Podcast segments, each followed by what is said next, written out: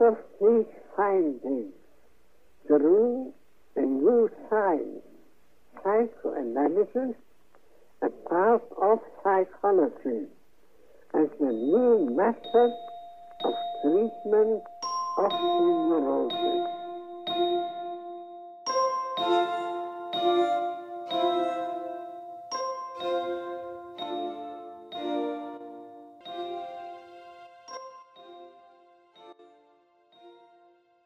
Herkese merhaba. 9 Mart tarihli psikanalize giriş konferansları atölyemize hepiniz hoş geldiniz. Bildiğiniz üzere son 3 haftadır e, kaygı başlıklı 25.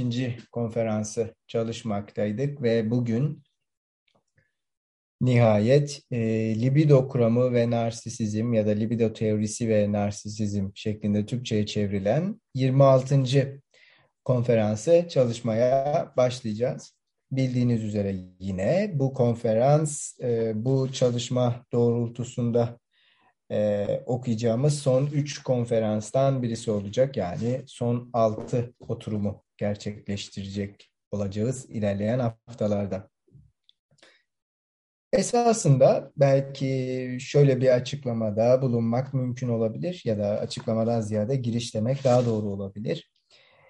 E, bilhassa Freud'un e, gelişim ve regresyon üzerine sunduğu açıklamalarda yani 22. konferansta e, ve belki yine 21.sinde libidonun gelişiminden bahsettiği konferansta esasında e,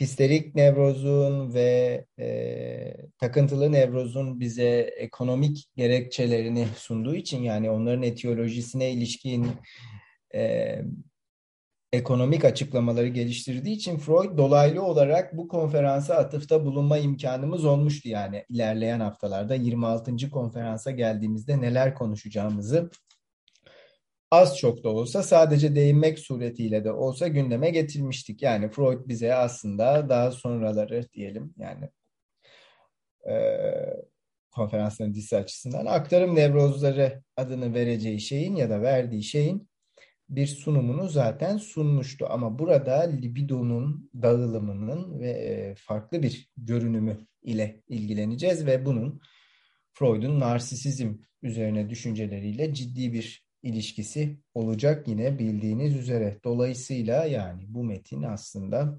başlığından da anlaşılacağı üzere Freud'un narsisizm üzerine de vardığı sonuçları e, belki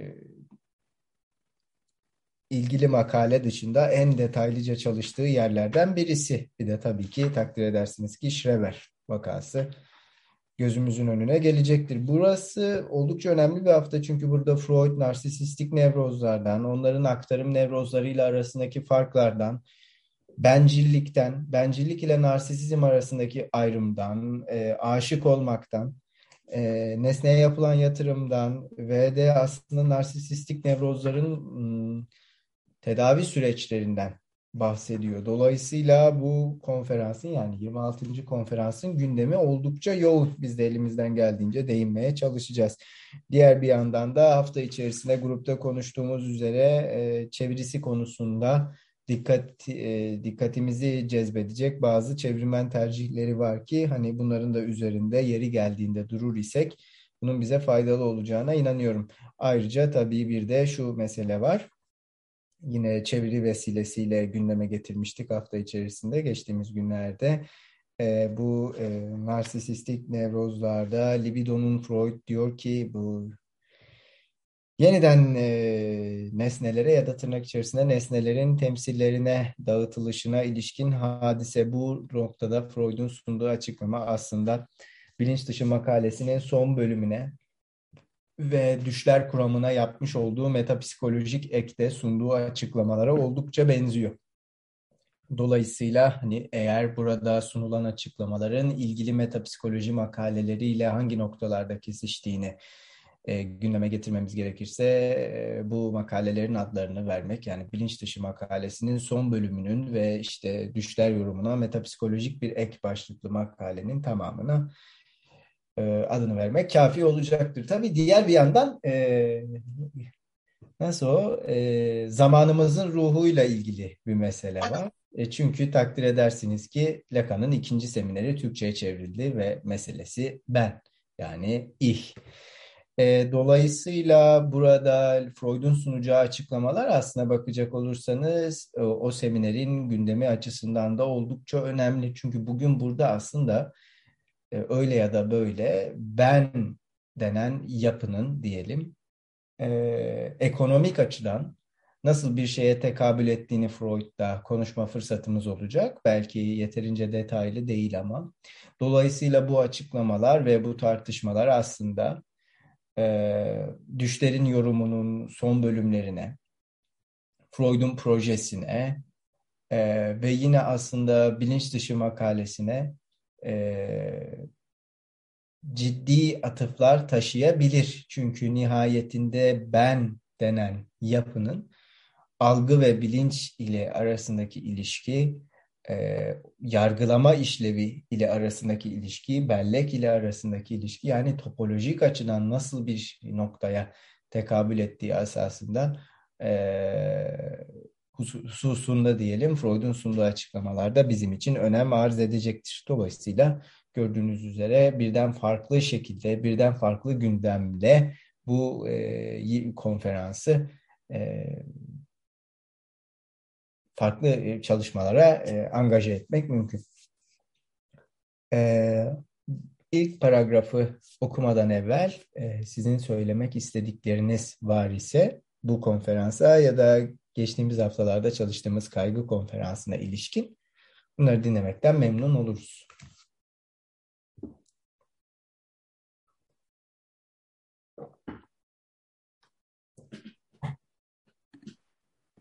Aslında bir şey eklemek istiyorum ama e, hı hı. bu konunun en sonunda aslında kaygı e, teorisinden bahsediyordu, te, bahsediyordu. Dersin sonunda gerçekçi kaygıyla nevrotik kaygının ayrımını yapıyor gibi aslında. Yani gerçekçi kaygının direkt söylemese bile korkuyla ilişkilendirilebileceğini düşündüm burada. Diğer yandan nevrotik kaygının da içinde korku olmadığını düşündürttü bana. Direkt bir zamansallıkla kaygının oluştuğundan bahsediyor gibi anladım sonunda yani. En azından öyle anladım. Tabi burada ego libidosuna bağlanma durumları falan var. Bu konuda göreceğiz gibi gördüm onu. Ama bir kafamda bir analitik ayrım yapmış gibi oldum. Öyle diyeyim. Eklemek istediğiniz bir şey var mı İlker abinin yorumu?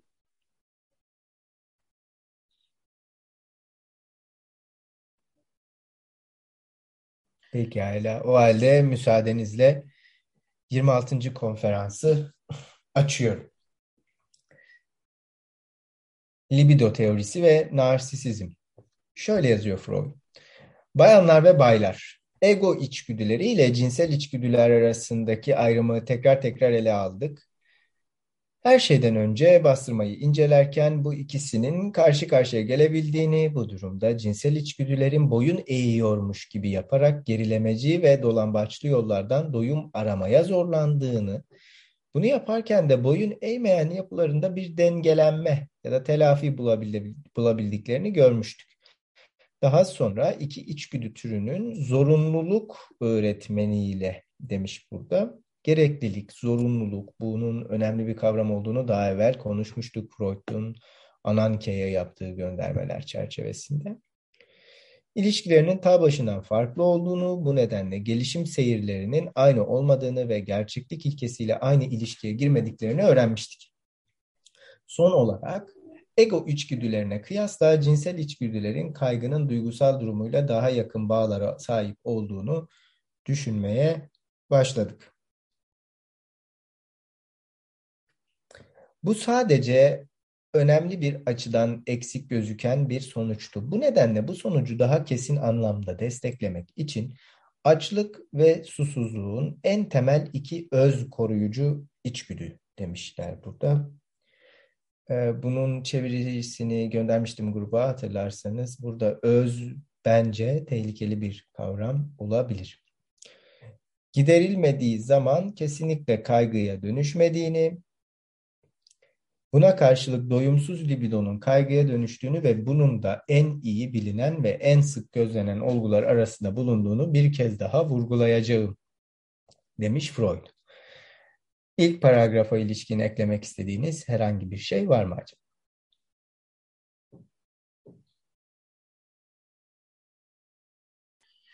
Ee, ben ilgili özete dair paragrafı okumak isterim aslında 423'te uygunsa. Yani Freud burada özetliyor ama 423'te de güzel bir e, kısım var.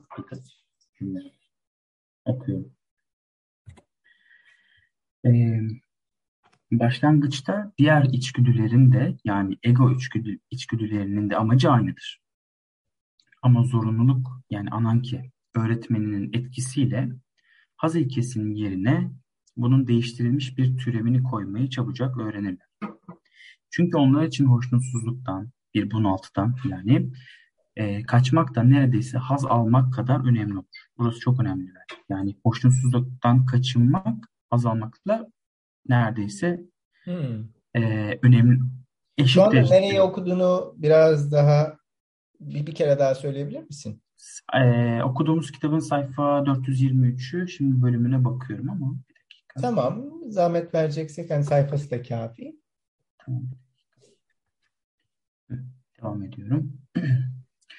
Ego, anlık doyumdan vazgeçmenin, haz alma işini ertelemenin, bir miktar hoşnutsuzluğa katlanmanın ve bazı haz kaynaklarından hepten vazgeçmenin kaçınılmaz olduğunu keşfeder. Böylece eğitilen ego makul, mantıklı olur. Artık haz ilkesinin kendisini yönetmesine izin vermek yerine temelde yine haz almaya yönelen ama hazzı ertelense ve azalsa bile gerçekliği dikkate alan, alarak kazanılan bir hazza yönelen gerçeklik ilkesine boyun eğer. E, Freud'un özetlediği kısmı burada biraz daha eklenerek çok güzel anlatılıyor gene kendisi tarafından. O yüzden okuyayım dedim.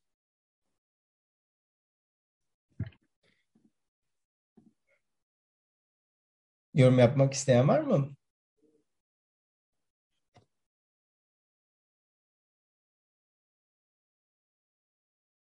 Çok teşekkürler Batuhan.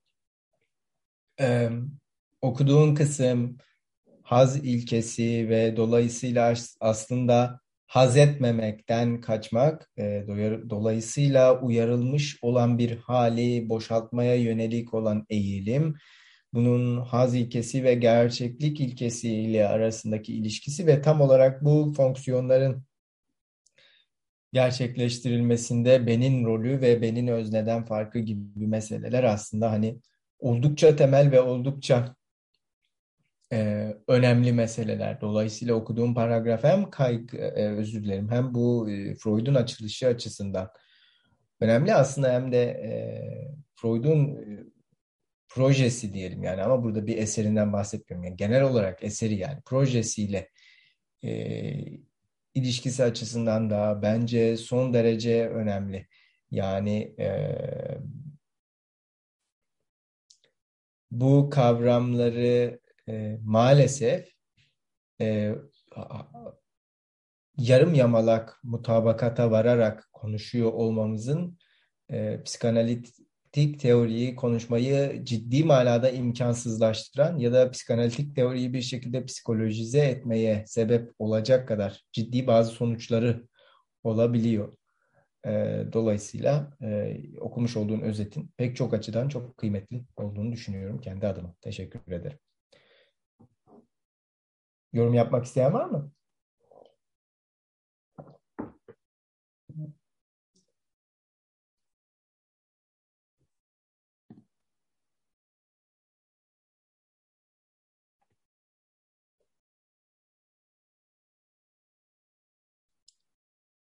Pekala. O halde müsaadenizle iki paragraf daha okuyayım. 485. sayfayla devam ediyorum. Şöyle yazıyor Freud.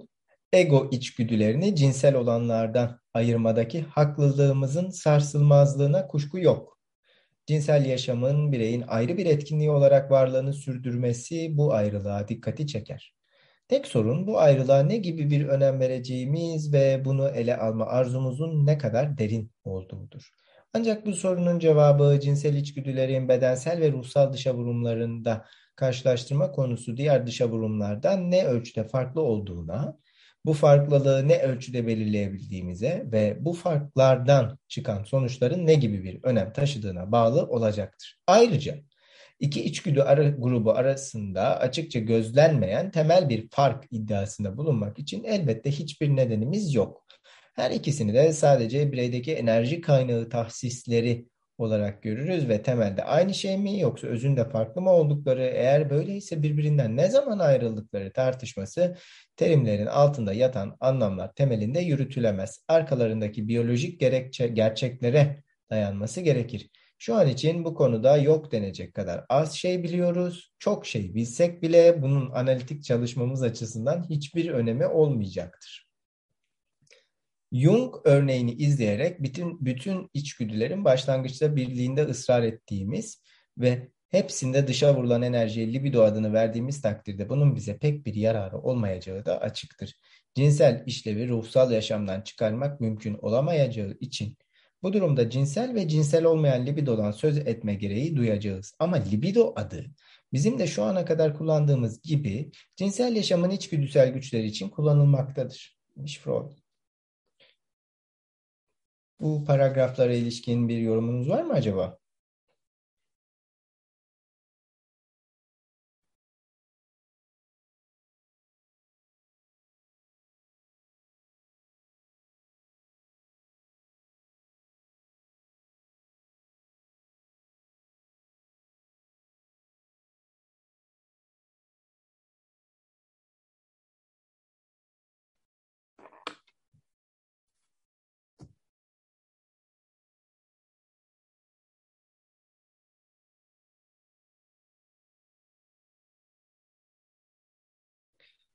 Pekala. Şu önemli olabilir belki. Şunun üstüne durabiliriz. Diyor ki Freud bu iki şeyin yani bizi yani ego içgüdülerini ve cinsel içgüdülerin enerji kaynağı tahsis eden şeyler olduğunu söylemiş bize. Ama bunların ayrımı arasındaki ayrım biyolojik bir gerçeğe dayandırılacak olsa da Birincisi diyor Freud bu konuda çok az şey biliyoruz. İkincisi çok şey bilsek de bunun bir önemi yok. Bu ilginç bir ifade. Neler söylemek istersiniz?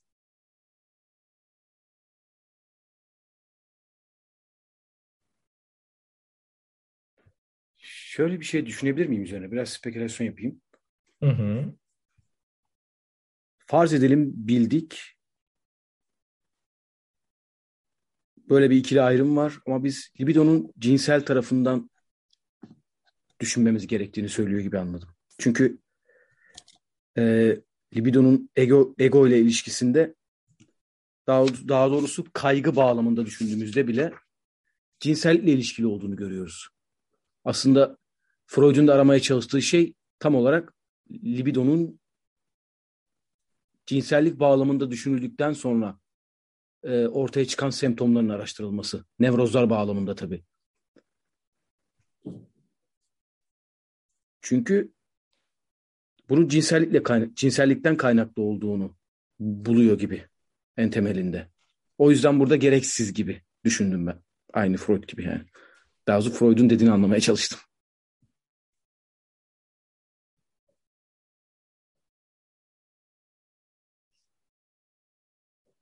Teşekkürler İlker abi. Başka bir yorumu olan var mı acaba?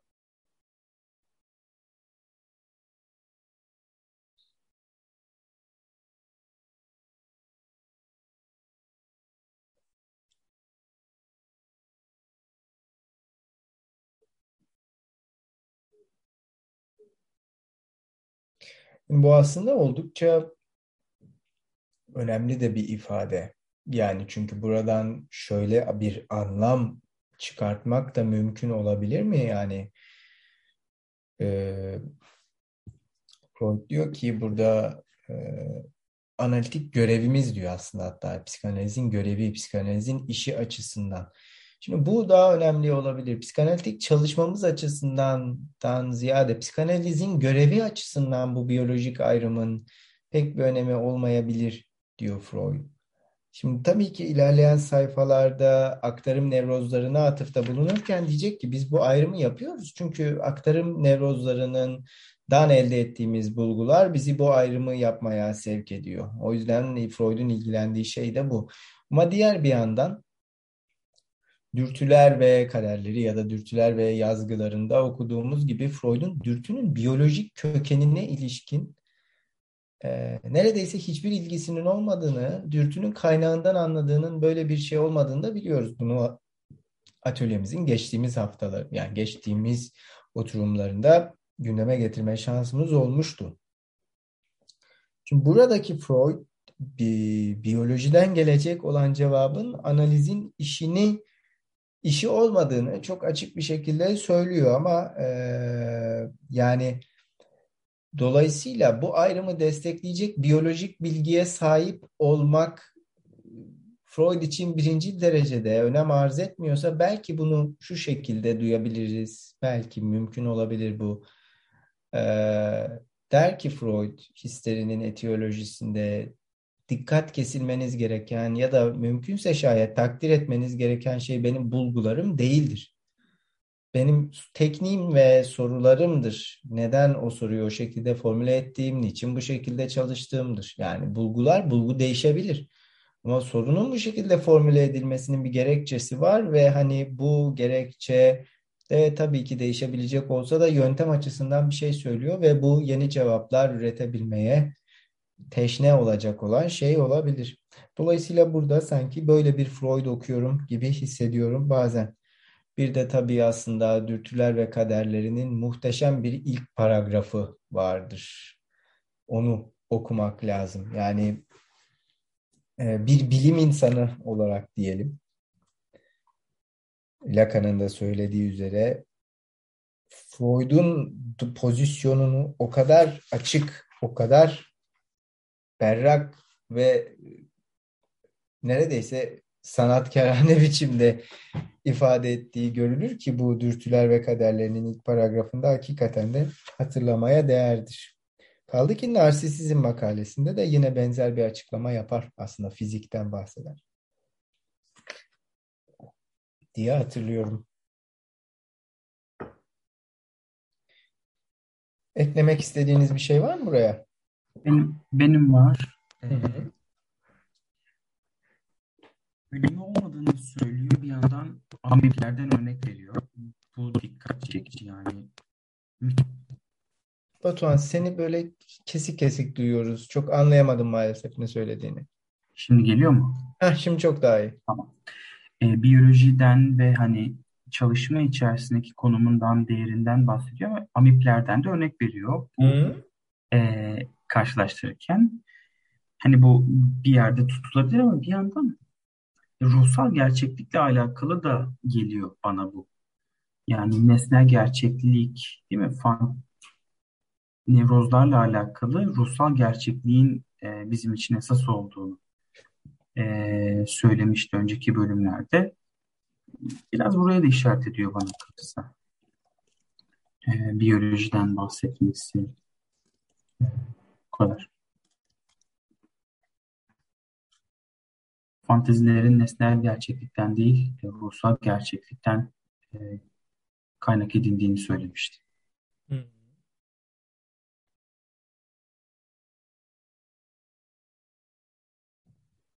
Yorum yapmak isteyen var mı?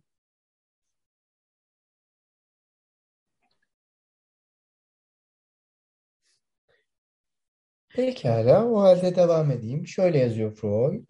E, dolayısıyla cinsel ve öz koruyucu içgüdüler diyelim. Burada kendini koruyucu içgüdüler diye karşılanmış Payel'de. Arasında açık ve haklı çıkarılabilir ayrılığı nereye kadar götüreceğim, götürebileceğimiz sorusunun psikanaliz açısından pek önem taşımadığı kanısındayım. Zaten psikanaliz de bu soruya cevap verecek donanıma sahip değildir. Buna karşılık biyoloji bu ayrımın önemli olduğunu destekler bir dizi e, bu ayrımın önemli olduğunu destekleyen bir dizi düşündürücü seçenek sunar. Gerçekten de cinsellik yaşayan organizmanın bireyi aşan ve onun türle ilişkisini kapsayan tek işlevidir. Bireysel organizmanın diğer işlevleri gibi bunun da her zaman avantaj kazandırmadığı, bunun yerine olağan dışı ölçüde bir haz vermesine karşılık birey karşılık olarak bireyin yaşamını tehdit eden, hatta birçok durumda ortadan kaldıran tehlikeleri de birlikte getirdiği açık bir gerçek. Bireyin yaşamının bir bölümünü üremeye yatkınlık için korumak amacıyla diğerlerinden farklı çok özel bazı metabolik süreçlerin bulunması da olası. Ve son olarak kendini asıl şey cinselliği ise kendi doyumuna hizmet eden diğer araçlar gibi bir araç olarak değerlendiren bireysel organizma biyolojik bakış açısından kuşaklar dizisi içindeki bir noktadan özünde ölümsüzlükle donatılan bir tohum plazmasındaki kısa ömürlü bir uzantıdan başka bir şey değildir. Tıpkı mülkiyetin sahibinden daha uzun yaşaması gibi demiş Freud.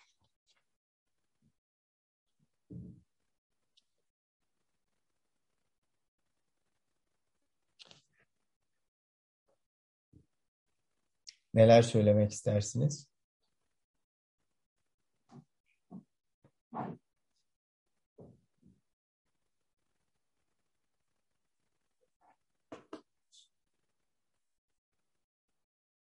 Tabii Batuhan'ın da az önce amiplerden bahsederken işaret ettiği üzere bu paragraf insana hemen haz ilkesinin ötesindeyi hatırlatıyor çeşitli gerekçelerle. E, sunduğu açıklama, e, soma ve işte tohum hücreleri arasında, plazmaları işte diyelim arasındaki fark, e, cinsellik, cinselliğin faydayla ilişkisi değil mi? Mesela bu çok önemli bir ifade gibiydi. Yani bu keyiflidir, çok keyiflidir ama bu bu çok keyfin tamamının faydalı olduğu anlamına da gelmez diyor Freud aslında. Ve bu bayağı önemli. Düşündüğünüz zaman Lacan 20. seminerini tam olarak bu açıklamayla açmıyor mu? Yani Jouissance'dan bahsederken tam olarak bu açıklamayı sunuyor. Ne eksik ne fazla hatta o da tohum hücresinden, somat hücresinden bahsediyor o bölümde. Düşüncelerinizi duymak isteriz. Batuhan bize bir video göndermiş. This is OutSystems.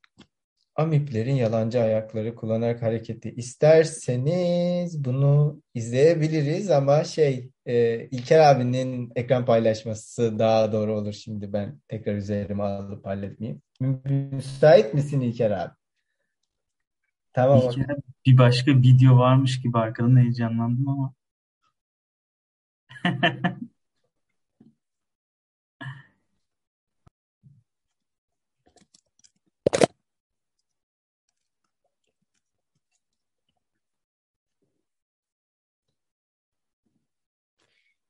Bekliyoruz. Heyecanlıyım. Olmadı mı? Sesini duymuyoruz.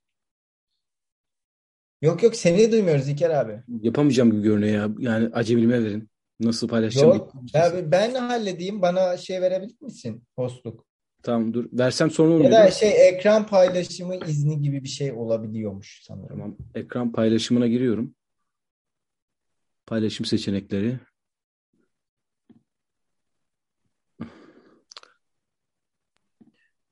Birden fazla katılımcı aynı anda paylaşım yapabilir. Tamam. Hı.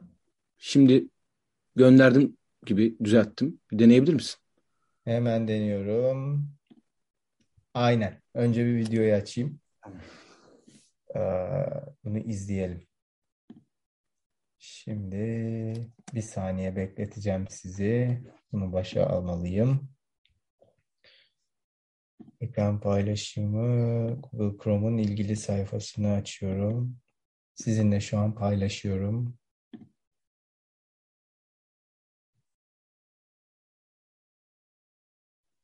Ses gelmiyor ama. Ses yok galiba çünkü.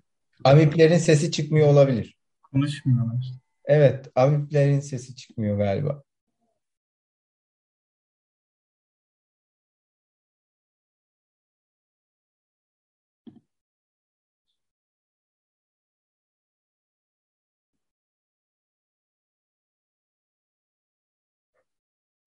Kayıttan dinleyenler için tabii ilginç anlar oluyor olabilir ama şu an biz eğleniyoruz. Yapacak bir şey yok. Vaktinde gelen herkes bu Amip gösterisini izleyebilirdi.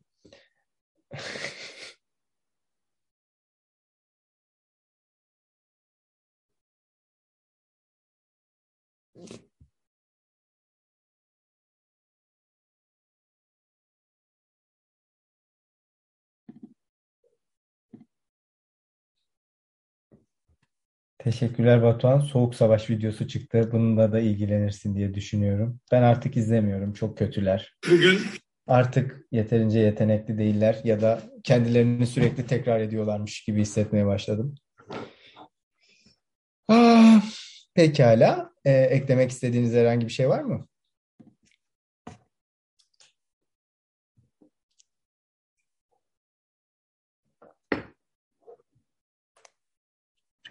Ee, aslında ben bu mülkiyetin sahibinden daha uzun yaşaması çok çok ilginç bir ifade. E, kuşaklar arası ilişki gibi de düşünüyorum birazcık. Ee, böyle hani aile ve çocuk, anne baba çocuk ilişkisi gibi. Ee,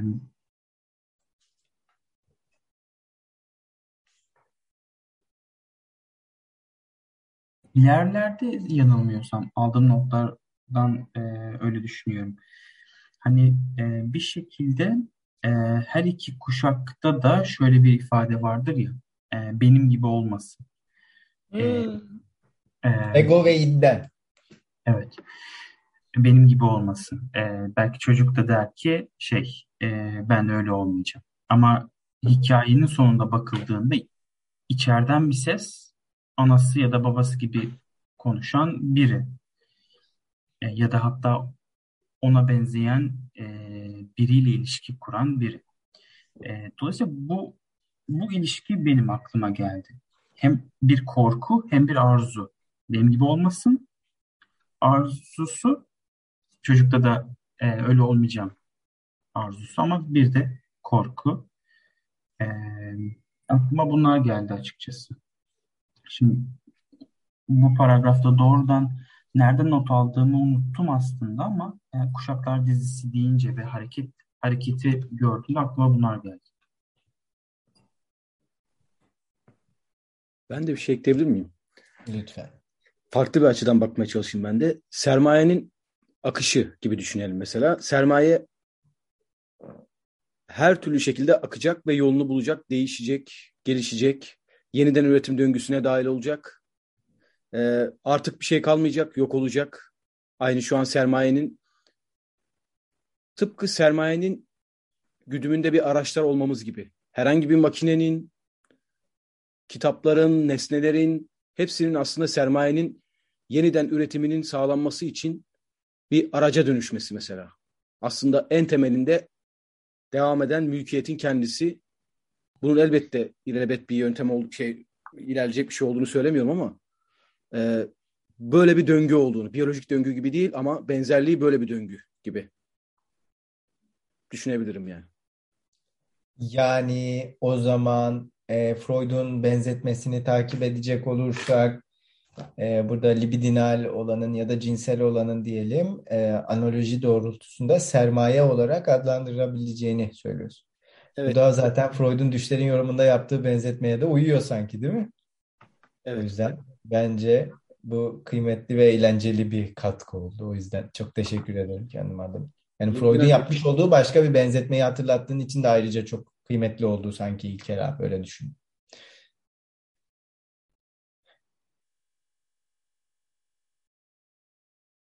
Yorum yapmak isteyen var mı?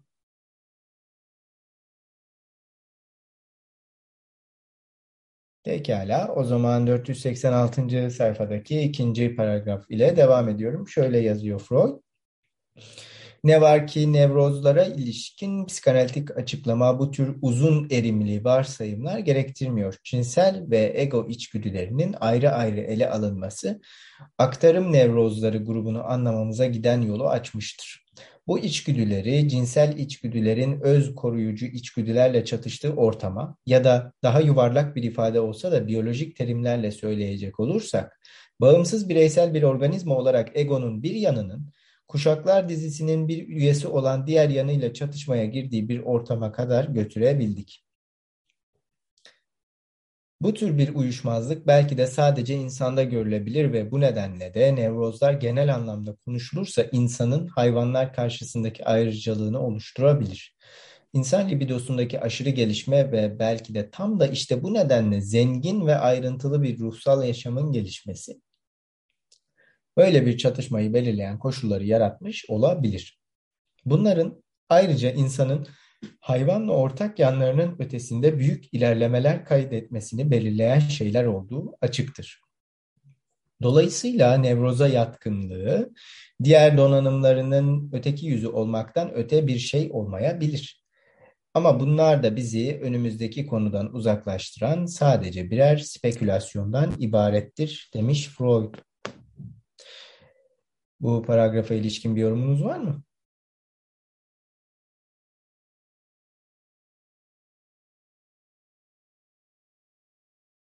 Bu gerçekten çok ilgi çekici bir paragraf bence. Yani tabii ki burada şu var.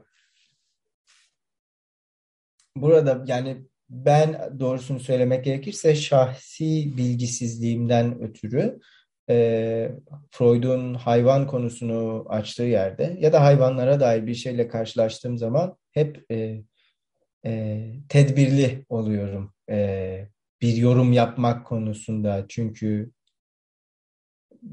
zor bence. Ama diğer bir yandan da e, en azından diğer paragraftaki soma ve germ to, plazmaları örneği açısından ve aslında insana e, tırnak içerisinde ilerleme denen şey ile nevrozu bahşeden şeyin aynı yerden geldiğini söylemesi açısından Freud'un e, önem arz edecek bir paragraf olabilir ama sizin katkılarınız her zamanki gibi e, çok kıymetli olacaktır.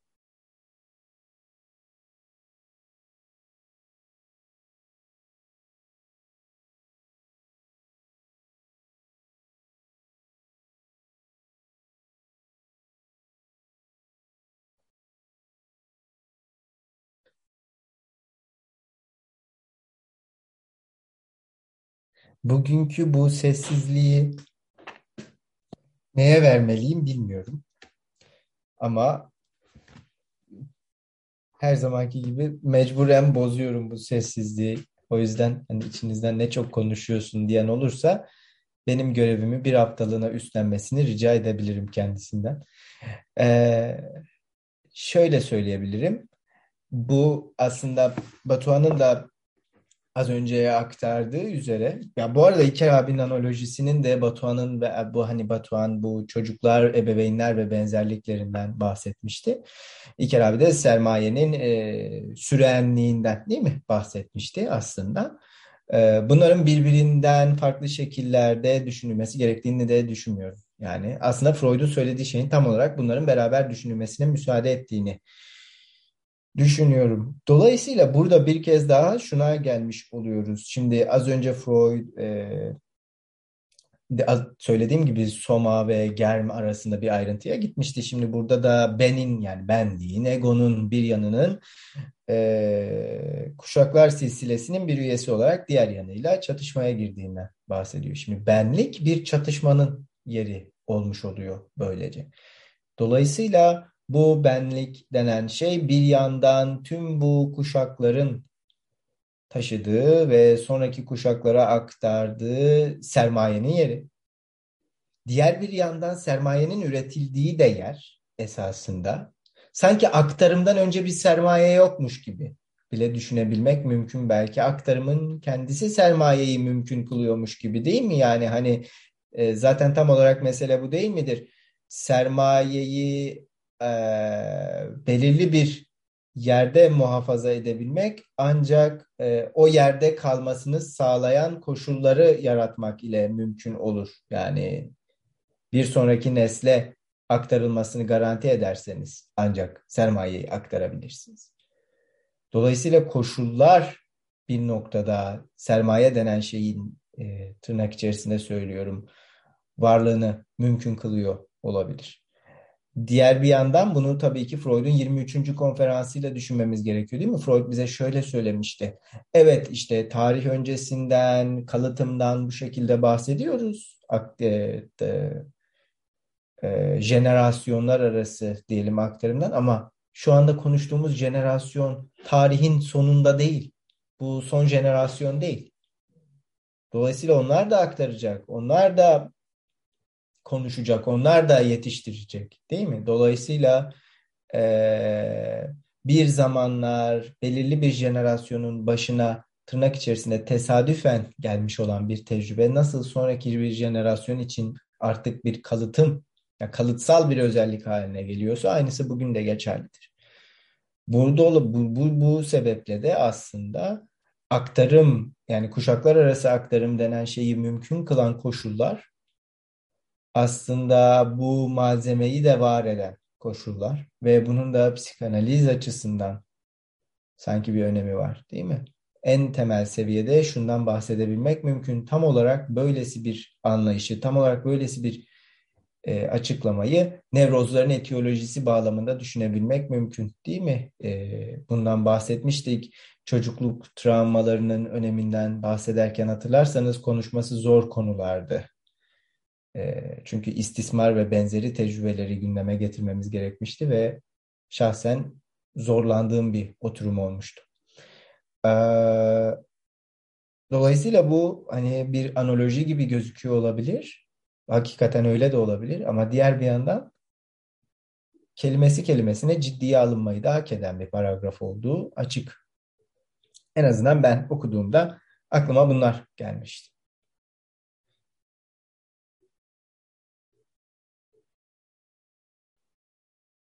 Pekala. İlker abi söz mü istiyorsun? Doğru mu? Gördüm. Okey. Ee, söylediklerine değişik bir açıdan bakmaya çalışacağım. Mesela eğer nevrozları kazanılmış bir sermayenin tutulması olarak görebilirsem eğer bir arada tutulması olarak görebilirsem aslında diğer türlü sermaye yani diyelim ki kapitalist sermayenin de bu sermayenin tutulmasına ilişkin yönleri, yönleri elbette ki var.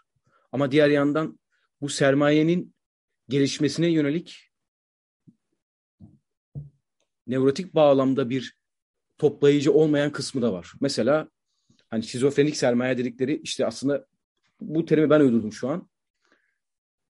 Nevroz bağlamında düşünemeyecek sermaye yatırımlarının oluşması gibi. Hı.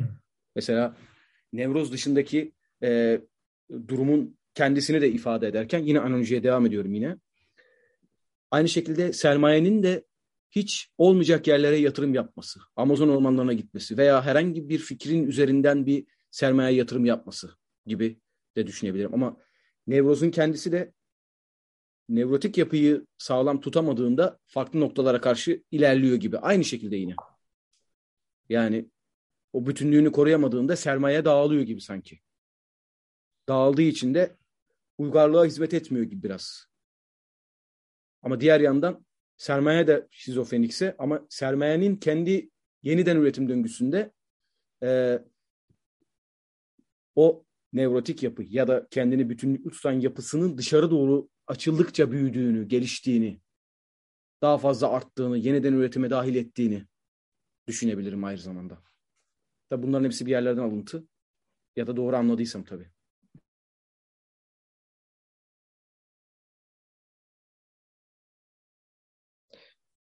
Yorum yapmak isteyen var mı?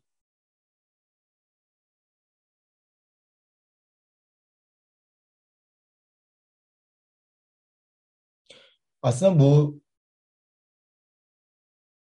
bunu şimdi sermayeden bahsettiğimiz için kavramları doğru kullanmak ve istismar etmemek istiyorum bir yandan ben. Çünkü senin kadar tecrübeli olduğum bir alan değil. O kadar rahat hareket edemiyorum bu kavramların arasında. Ama şunu söyleyebilmek mümkün en azından bilhassa söylediklerinin ilk kısmını doğru anladıysam İlker abi hani yanlışsam da lütfen düzelt o da çok kıymetli olur.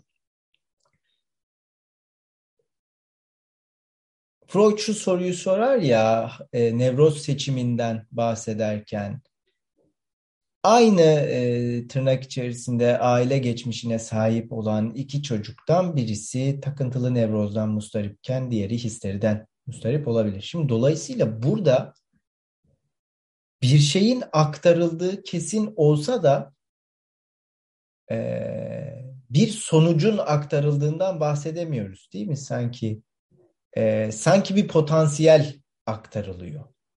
Yani dolayısıyla bu sermayenin nevrotik ya da şizofrenik olduğunu söylemekten ziyade sermaye sanki bir e, potansiyel olarak aktarılıyor ve tam olarak o dönemde sermayeyi elinde bulunduran kişinin e, kişi için tesadüfi ama ondan sonraki kuşaklar için kalıtsal olabilecek bir şekilde e, değerlendirildiği vakit bazı görünümlere meydan veriyor. E, dolayısıyla sermaye bir kuvvet belki craft yani Freud'un söylediği gibi o da cheap craft'tan bahsediyor ya dürtü kuvveti kuvvet yani bu. Ama diğer bir yandan doğrudan product da değil yani değil mi? Doğrudan da ürün de değil yani. Ee, dolayısıyla bu da tam aslında Freud'un söylemek istediği şeyle uyum içerisinde olabilir. Yani şunu söylemek istiyorum. Ee, bir e, başı sonu belli, içerisinden çıkılamaz, işte başka bir e, başka bir e, görünüme meydan vermeyecek bir e, sermaye değil de tırnak içerisinde bir potansiyel aktarılıyormuş gibi. Yani doğru anladıysam. Bu da çok önemli. Bunu da Freudcu manada sonradanlık ile düşünebilmek mümkün. Hani bu potansiyel riskli bir ifade çünkü Freud için. Öyle söyleyeyim yani. Ama ben bunu anladım. Ve bu şekilde anladığım zaman çok e, kafama yattı ama yanlış da anlamış olabilirim tabii ki. Okey galiba. Tamam. Benim de yorumum bu olsun en azından söylediklerini ama çok kıymetli olduğu benim için öyle söyleyeyim. Ee, Tarık'ın bana hediye ettiği 66 basımı bir kapital okuyorum da ben şu anda birinci cildin ikinci kitabını okudum da ona bak bakıyorum böyle vakit buldukça. O yüzden çok aşina değilim ama öğrenmeye çalışıyorum öyle söyleyeyim. Ee, yorum yapmak isteyen var mı?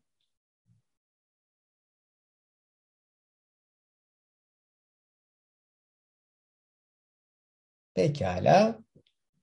Ee, o zaman e, 487. sayfanın ikinci paragrafıyla müsaadenizle devam edeyim. Şöyle yazıyor Freud. Çalışmalarımızda şu ana kadar ego içgüdülerini cinsel olanlardan dışa vurumlarıyla ayırt edebileceğimiz önermesiyle hareket ettik. Aktarım nevrozlarında bunu yapmak kolaydı. Egonun cinsel arzu nesnelerine aktardığı enerji yüklerine libido, öz koruyucu içgüdülerden kaynaklanan diğer her şeye ise çıkar, ilgi adını verdik. Bu ilginin Almancası da tıpkı İngilizcesinde tahmin edebileceğimiz gibi yani interes. Ee, yine tahmin edebileceğiniz gibi işte İngilizce'de belli anlamları var. Evet gerçekten de ilgi demek. Diğer bir yandan da işte e, pay demek değil mi? Hani benim payım falan. Um, Burada editörün dipnotu önemli. Bu ego çıkarı ya da ilgisi bence ikisi de çok kötü değil. İkisi de kullanılabilir. En azından benim bilgim dahilinde bunu söyleyebilirim ama e, Freud'un e, çok sık kullandığı bir tabir değil. Hani açıkça vazgeçtiğini söylediği bir tabir olmamakla beraber bu tabirle karşılaşabilmeniz mümkün. Özellikle bu tarihlerde yazdığı e, eserleri arasında bulunmayan, da, yani daha doğru bir ifadeyle Freud öldükten sonra var olduğu keşfedilen bir metapsikoloji makalesi var Freud'un. Aktarım nevrozlarının aktarım nevrozlarına genel bakış başlığını taşıyan. Orada bu kavram çokça geçer. Ben de ilk defa orada görmüş ve açıkçası şaşırmıştım da hani bunu nasıl karşılamam gerektiğini bilmiyordum. İlginizi çekiyorsa o makaleyi web sitemizden okuyabilirsiniz. Ee, şöyle devam ediyor Freud. Libidinal enerji yüklerinin akışını, dönüşümlerini ve son biçimlerini yani kaderini izleyerek ruhsal güçlerin mekanizmaları konusunda bir iç gözleme ulaşmıştık. Bu amaçla bize en elverişli malzemeyi aktarım nevrozları sağlamıştı. Ama ego çeşitli örgütlenmelerdeki yapısı, oluşumları ve işleyiş tarzı konusu görüş alanımızın dışında kalmış ve gerekli iç gözlemi ancak diğer nevrotik rahatsızlıkların bir analizi yoluyla kazanabileceğimizi düşünmeye başlamıştık. Bir geçiş paragrafı gibi. O yüzden bir sonrakini okumakta yarar görüyorum. Bu arada hoş geldin Batuhan tekrardan. Psikanalitik gözlemleri bu diğer hastalıklara yöneltmeye erken başladık diyor Freud. Daha 1908'de Karl Abraham benimle yaptığı bir görüş alışverişinden sonra erken bunamanın aslında psikozlara ait olarak değerlendirilen diyor. Freud tipik özelliğinin nesneye libidinal enerji yüklemenin eksikliği olduğunu söyledi. Bunun üzerine erken bunamalı hastalarda e, nesnelerden uzaklaşan libidoya ne olduğu sorusu gündeme geldi. Abraham cevap vermekte tereddüt etmemişti. Geri, geri egoya yöneliyordu ve erken bunamadaki megalomanyanın kaynağı bu reflekse benzeyen geri dönüştü. Megalomani, erotik yaşamdan bildiğimiz nesnenin cinsel açıdan abartılmasına her açıdan benzetilebilir. E, şunu şu uyarıyı yapabilirim sadece müsaadenizle. Belki çok anlamlı olmayacaktır ama e, e, bir saniyeliğine müsaadenizi isteyeceğim. Burada Freud nesnenin abartılması derken hani mesele narsisizm makalesi olduğu için e, şu zannedilebilir. E, burada ülküselleştirmeden bahsettiği yani idealizasyondan bahsettiği düşünülebilir. Ki bu da önemli çünkü hani e, yas ve melankoli, narsisizm, özdeşleşme, ülküselleştirme, nesne seçimi gibi meseleler bu e, bağlamda bildiğiniz üzere önem arz ediyor yani doğrudan burayla ilişkisini kurmuyorum ama hani açıklamaya gayret ettim. O yüzden burada kullandığı kavram Freud'un e, ülküselleştirme değil. Onu size söyleyebilirim. Seksüel Überschatzung diye bir kavram. İsterseniz chatten de ilgili kelimeyi atayım. Cinsel e, değer yükleme, aşırı değer yükleme dediği şey bu Freud'un. Bu buralarda birkaç kez geçeceği gibi başka yerlerde de geçiyor. Başka yerler başka yerler mesela bugün Batuhan Demir ile beraber okuduğumuz e, aile romansı metninde de geçiyordu. Yanlış hatırlamıyorsam bu cinsel açıdan aşırı yükleme denen şey. O yüzden hani burada megalomaniden bahsederken kulağımızın bu kavrama açık olmasında fayda var.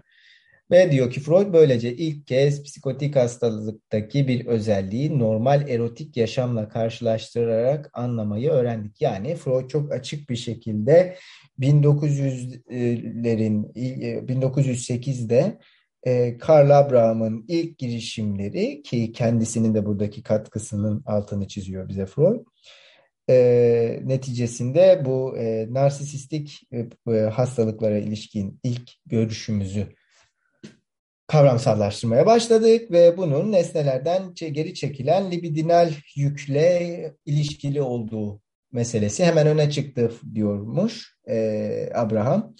Ve bu egoya geri dönen yüklerin ne olduğu sorusuna da e, megalomanin, megalomaninin e, kaynağı olduğunu söylüyormuş e, nesnenin aşırı yüklenmesi, megalomani, e, az önce Batuhan'ın anlattığı bu yalancı ayaklar meselesi vardı ya dışarı salınan, geri çekilen.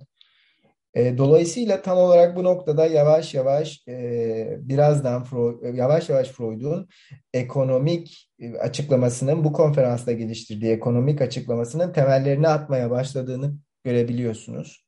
İlerleyen sayfalarda bunu narsisizm, bencillik, aşık olmak ve benzeri fenomenleri beraberce düşünerek bu ekonomik açıklamayı geliştirecek. Ama diğer bir yandan bu ekonomik açıklamanın ben ve nesne, dolayısıyla nesne seçimiyle arasındaki ilişkinin de ne kadar önemli olduğu kendisini gösteriyor.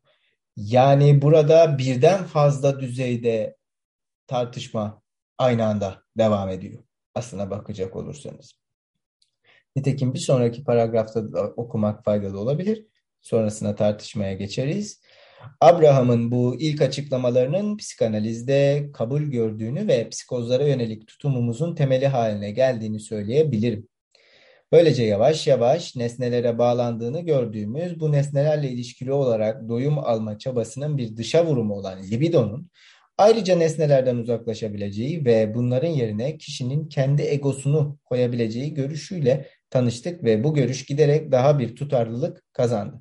Libidonun bu yoldan tahsis edilmesi için kullanılan narsisizm terimi Paul Nake tarafından anlatılan bir erişkinin kendi bedenini genelde dışsal bir cinsel nesne için söz konucu olacak şekilde okşamasıyla ilgili bir sapma olayından ödünç almıştır diyor Freud. Bunu bize zaten narsizm makalesinde de bildiğiniz üzere anlatıyor. Ee, bu bölüme ilişkin e, yorumlarınız varsa bunları dinlemekten memnun oluruz.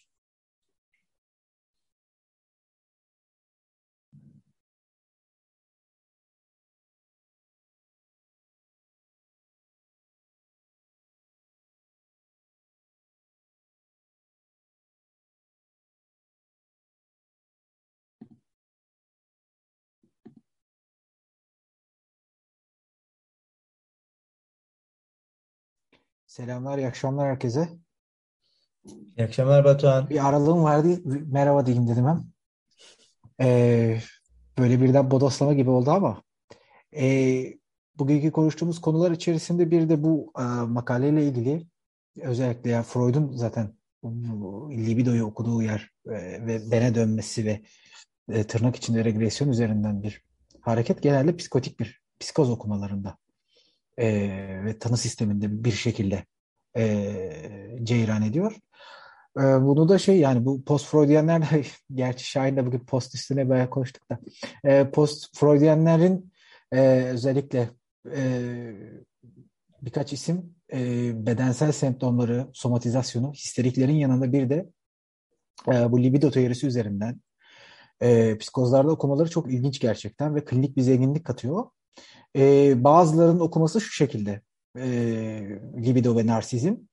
E, herhangi bir şekilde e, bir regresyon sonucunda e, artık tırnak içinde hani e, işte psikozu tutan her neyse e, bu şeyi dağıldıktan sonra genelde e, regresif sonuç bedende e, bir etkiyle e, neticeleniyor. Yani işte klasik olarak e, bedende dağılmalar, e, işte Schreber'de gördüğümüz işte o ışınlar vesaire. İşte buralarda bir e, libidinal durumun aslında bizi canlandığını görüyoruz ki Freud'un zaten Schreber üzerinden e, bunları okuması da tesadüf değil. Yani arka arkaya Metis yayınlarında fark edeceğiniz üzere. E, libido kuramını biraz daha burada e, açıyor Freud. Ben ufak böyle bir ekleme yapmak istedim. Teşekkürler. Biz teşekkür ederiz. Ayrıca hoş geldin yeniden. Ee, eklemek istediğiniz bir şey var mı?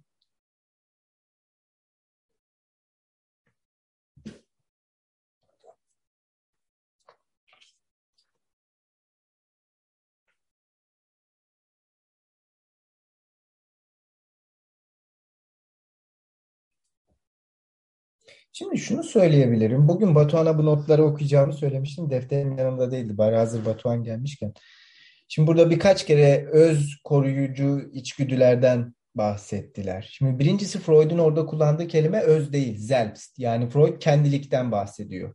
Eğer bir özden bahsettiğini söylerseniz bu riskli hale gelebilir. İkincisi ise şu. Narsisizm üzerine makalesinde Freud e, Selbstgefühl'den bahsediyor. Yani kendilik duygusundan bahsediyor. Ve bu kendilik duygusuna daha evvel konuşmuş olabiliriz. Üç kaynak atfediyor. Yani bir e, kişinin diyelim Selbstgefühl'ünün üç kaynağı vardır diyor Freud. Birincisi çocuksu narsisizminin kalıntısı. İkincisi ego içgüdüsünün özür dilerim ego ülküsünün diyor e, işte buna ego ideal diyebilirsiniz gerçekleştirilmesi demiş Narsis ve nesne libidosunun doyumu. Şimdi Freud'un narsisizm metninde sunduğu üç kaynak bu bize. Yani bu Selbstgefühl için. Dolayısıyla burada bunun öz olarak çevrilmesi bir problem teşkil edebileceği gibi diğer bir yandan e, buradaki bu megalomani tartışması açısından da önem arz ediyor. Diğer bir mesele ise şu, e, bildiğiniz üzere narsisizm makalesi üç bölümden oluşur ve her bölümde Freud farklı bir fenomeni tartışarak aslında narsisizmi gündeme getirmeye çalışır. Parafrenilerle açar makalesini, ikinci bölümünde hastalık hastalığından bahseder, üçüncü bölümde ise nesne seçimine gider. Batuhan'ın bilhassa e, tırnak içerisindeki bu post-Freudiyenlerin kliniğinde e, libidodan ve narsisizmden bahsedilirken bedensel belirtilerin gündeme getirildiğinin altını çizmiş olması Freud'un bu makalede narsisizmi açıklarken başvurduğu ikinci kaynak yani hastalık hastalığı kaynağının da aslında hem e, onun libido teorisi diyelim, libido teorisi açısından hem de diğer bir yandan da onun erotiz e, bir bedenin bedenin e, parçalarının erotojenitesi açısından söyledikleriyle önemli ki hani bu erotojeniteyi hastalık hastalığıyla sınırlamak zorunda da değilsiniz yani. Freud için bedenin erotizasyonunun görünümü bu türden olmak zorunda değil. Dolayısıyla hem Karl Abraham'ın vardığı sonuçlara Freud'un yapmış olduğu atıf hem de Batuhan'ın e, katkıları bağlamında bu e, metnin önceki bölümlerini ve hani Freud'un narsisizm metninde aslında sunduğu açıklamaların da kısa bir özetini sunmak faydalı olabilir diye düşündüm. Eklemek istediğiniz bir şeyler varsa bunları dinlemekten çok memnun oluruz her zamanki gibi.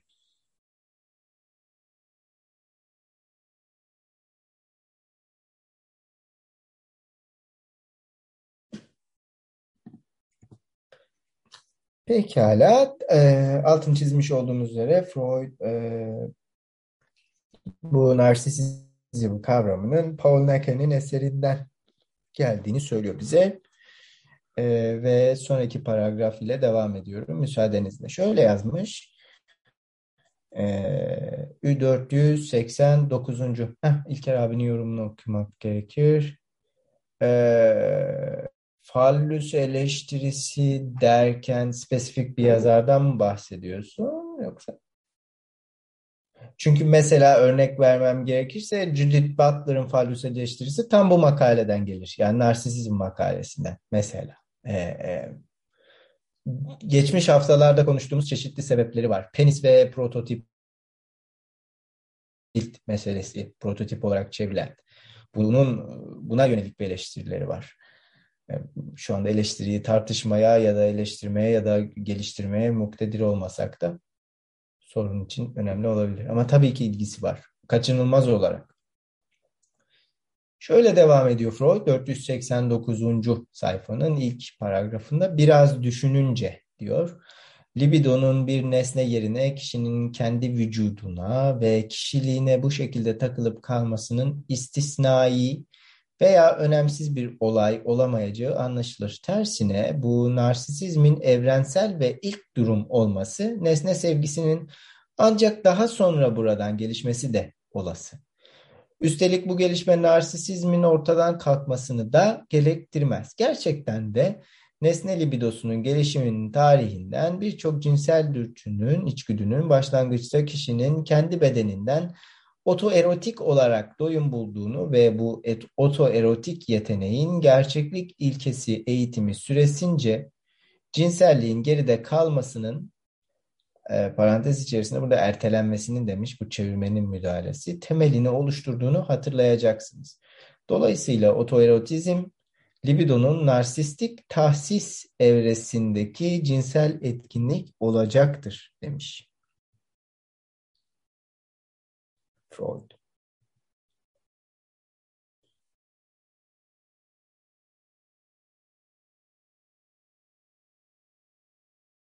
Ee,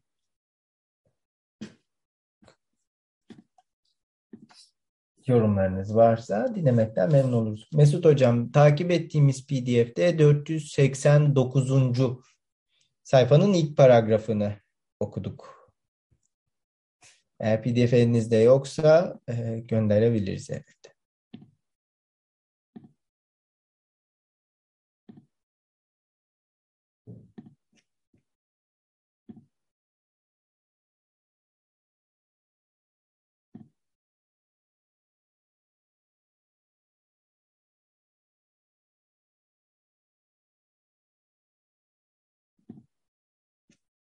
Ee, size şöyle yapayım.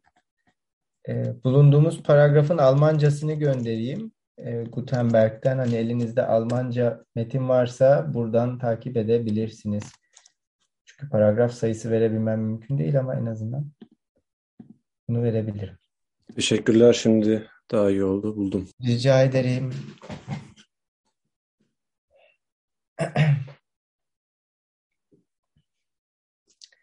Eklemek istediğiniz bir şey var mı?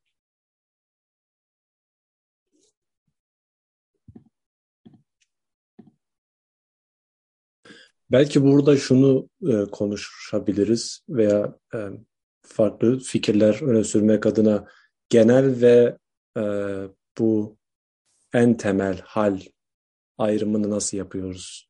Narsisizm söz konusu olduğunda.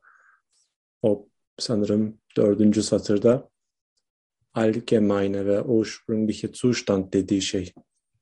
Bu iki şeyi nasıl ayıracağız birbirinden?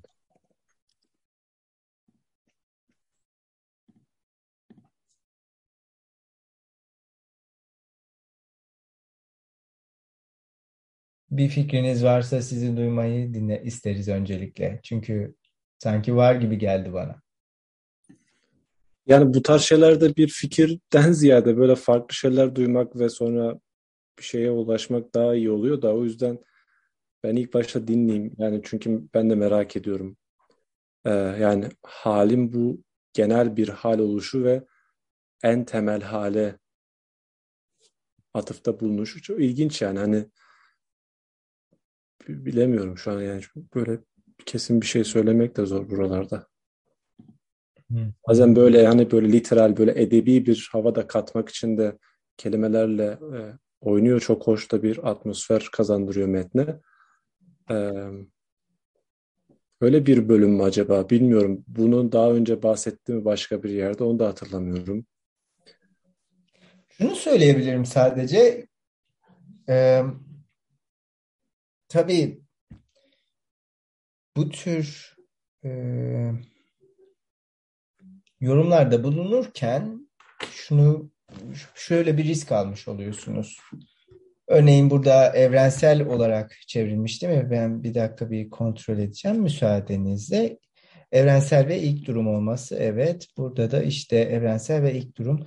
Şimdi ilk durum takdir edersiniz ki orada ilk durum dediği gibi sanki bir kökene ilişkin de bir atıf var. Hani onu da gözden kaçırmamak iyi bir fikir olabilir gibi geliyor. Çünkü kökene ilişkin bir atıf varsa burada gerçekten telaffuzum yanlış olabilir. Lütfen kayıttan dinleyenler sizler bağışlayınız. Eğer burada Freud Ursprüngliche'den bahsediyorsa şimdi bunun dürtüler ve kaderlerinde geçen bir kavram olduğunu söylemem lazım. Şimdi diyeceksiniz ki bu her yerde geçebilir. Gerçekten de her yerde geçebilir yani. Ama şu şöyle bir yerde geçiyor ve bu da evrensellik açısından bize e, bir hmm, gösterge diyelim belki sunabilir. Şimdi elinde Payel baskısı yani Payel'in 2012 baskısı olanlar varsa bu 123. sayfada yoksa e, şöyle söyleyebilirim. Freud'un o makalesine aşinaysanız o sayfada işte cinsel organı seyreden biri, biri tarafından seyredilen cinsel organ gibi küçük bir tablo çiziyor Freud. Makalenin o kısmındayım. E, isterseniz sonra okumadan sonra fotoğrafını da gönderebilirim. Şimdi burada Freud kotadan bahsediyor. Yani dürtüden ve onun işte kaderinden ya da yazgısından bahsediyor. Makalenin başlığı bu. Ve bu kotadan bahsetmesindeki gerekçe şu Freud'un. Dürtü diyor işte çeşitli yani kaderi boyunca e, çeşitli değişimlerden, dönüşümlerden geçerken bir sonra yani sonraki dönüşüm bir öncekinin kotasının tamamını kapsamaz diyor Freud. Yani çok kaba bir ifadeyle şöyle söylemek mümkün. Sonradan gelen öncekinin tamamını kapsayarak sonralığını e, muhafaza etmez diyor Freud. Ondan bir şeyler taşır ama onun tamamını taşıdığı anlamına gelmez. Şimdi bu çok önemli bir ifade. E, çünkü bildiğiniz üzere ya bunu beraber okuduğum yer benim burası ve bunu mümkünse şimdi kısa zaman içerisinde e, ben meselesiyle beraber okumaya çalışacağım. Bildiğiniz üzere Freud Filis'e gönderdiği 6 Aralık 1896 tarihli mektupta birbirinden farklı kayıtlardan bahseder değil mi? Hani ve her bir kayıt sisteminin kendisine has özellikleri olduğundan, yasaları olduğundan bahseder hatta ve der ki hatta yine bilinç dışının yasası konusunda çok bir fikrim de yok. Hani bilmiyorum. Muhtemelen nedenseldir diyor Freud. Muhtemelen diyor parantez içerisinde. Ve bize diyor ki e, e, organizma yani bir çocuğun gelişimi boyunca bu farklı kayıtlardan müteşekkil olan evrelerden geçer. Ee, ve bir evreden diğerine geçemediğinde kayıt bu bastırmadır diyor Freud. Yani bu kaydın e, transferindeki ya da tercüme diye çevriliyor işte. E, çeviri, translation diye çevriliyor. Tam öyle değil yani ama sanırım e, transferindeki diyelim bir aksaklık bastırmaya delalettir diyor Freud bize. Ama daha önemli olan şey şu. Yine bir sonraki aşamanın bir öncekini tamamen kapsamadığını görüyoruz. E, ya da tırnak içerisinde söylüyorum böyle bir lineerlik iddia etmiyorum. Kesinlikle bunun altını çizmekte fayda var. E, oral, anal, e, fallik ve benzeri e, tırnak içerisindeki evrelerden bahsederken Freud yine bir sonra gelenin bir öncekini tamamen kapsadığından ya da ortadan kaldırdığından bahsetmez. Yine e, başka bir örnek vermek gerekirse regresyon konusunda hani burada 22. konferansta sunduğu açıklamaların da yine benzediğini görebiliyoruz. Demek ki çok kabaca şunu söylemek mümkün. Freud farklı evrelerden ve bu evrelerden geçişlerden bahsederken sonraki gelen evrenin bir öncekini ortadan kaldırdığını iddia etmiyor hiçbir zaman. Ve bu bir önem arz ediyor. Nasıl bir önem arz ediyor? Örneğin onun e, tırnak içerisinde tarihsellikten ya da kalıtımdan anladığı şeyin anlaşılması açısından bir önem arz ediyor. Ya da tarih öncesinden anladığı şeyin bir açısından bir önem arz ediyor. İz meselesinden anladığı şey için bir önem arz ediyor gibi düşünülebilir. Şimdi dolayısıyla burada da lav patlamalarından bahsediyor ve hakikaten de şöyle bir cümle kullanıyor. Ee, Belki de bundan sonra içgüdünün ilk özgün patlaması. Bakın yine aynı şeyi söylüyor bu arada. Yine yani burada da diyordu ya evrensel ve ilk. Burada da diyor ki ilk ve özgün patlamasının değişmemiş bir biçimde ilerlediği ve hiçbir gelişimden geçmediğini söyleyebiliriz. Yani dürtü ne kadar değişirse değişsin böyle bir ilk patlama vardır ve bu hep muhafaza edilecektir bir şekilde varlığını idame ettirecektir. Sadece o kalmayacaktır geriye. Pek çok şeyle iç içe geçebilir ama o olacaktır diyor Freud. Şimdi dolayısıyla Freud kökensel bir şeyden bahsettiğinde burada karşımıza iki problem çıkıyor. Birincisi şu Freud'un tarih öncesinden anladığı şeyi tırnak içerisinde belki hani yüzeysel bir manada söylüyorum. Jungçu bir şekilde kolektif, kolektivite zannetmek veya kolektivite ile karıştırmak bu kadar basit değil, bu kadar kabul kolay sanki kendisini vermiyor gibi geliyor bana naçizane. Ee, ikincisi ise şu. Freud'un e, çeşitli yerlerde totem ve tabuda, uygarlığın huzursuzluğunda ya da işte bu sonradan keşfedilen varlığı aktarım nevrozlarına genel bakış makalesine yaptığı gibi insanlık tarihini çeşitli çağlardan çağlardan müteşekkil olarak okurken tırnak içerisinde söylüyorum ilkel olan çağlara atfettiği önemin e, az gelişmişlik olarak okunması ve buna istinaden hani e, Freud'un totem ve tabuda örneği ritüellerde çocuğu ve obsesyoneli nasıl duyduğunun gözden kaçırılması hadisesi. Çünkü tarih öncesi ilkellik demek değil sanki Freud için değil mi? Çok daha yapısal bir mesele gibi gözüküyor. Şimdi bunu bağlayacağım yer şurası olacak. Fark ettiyseniz dürtüden bahsettim, e, benlikten bahsettim e, ve kayıtlardan bahsettim. Şimdi gruba bazı bölümler attım projeden. Freud orada dusting'den bahsediyor değil mi? Yargılama işlevinden bahsediyor. Egon, özür dilerim. Psikik aygıt içerisindeki yargılama işlevinden bahsediyor ve e, benliğin diyelim çekirdeğini işaret etmek gibi bir kaygısı var değil mi? İşte benliğin çekirdeği dusting'tir diyor mesela orada.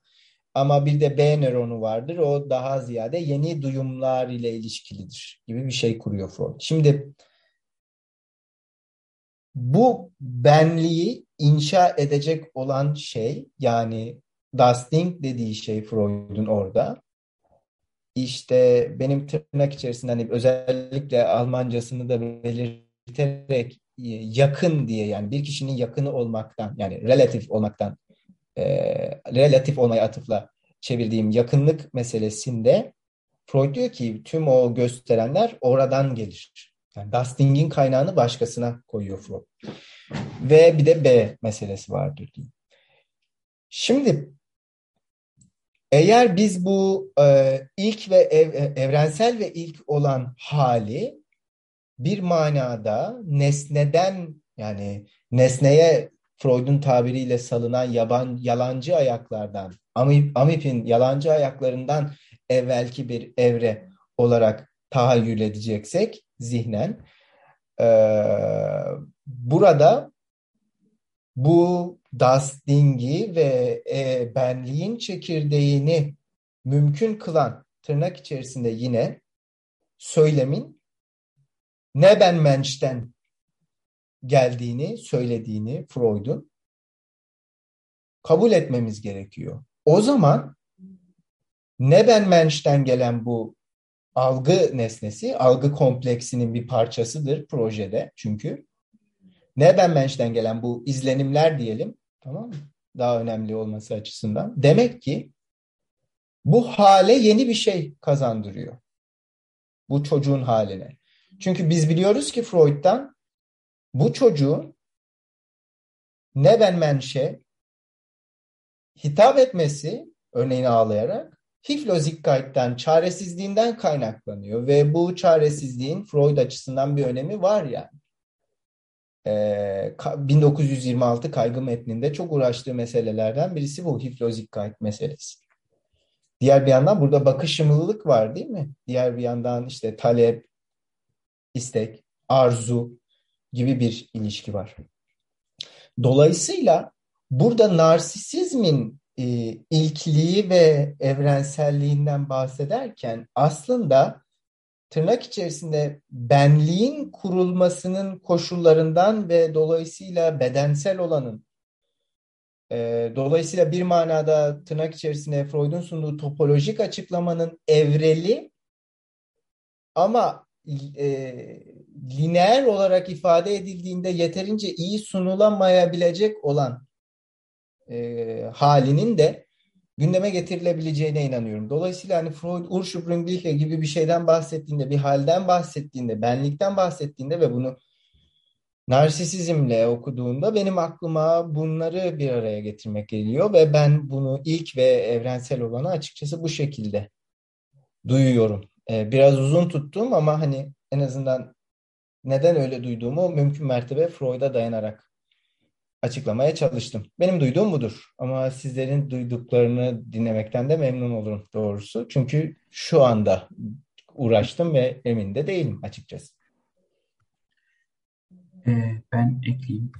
Eline sağlık. Şahin öncelikle. Şimdi e, cinsellik üzerine metninden iki yer okuyacağım. Otoerotizmle alakalı. Hmm. Mesut Hoca'nın bahsettiği yeri kaçırdım ama aklımda e, kısaca var.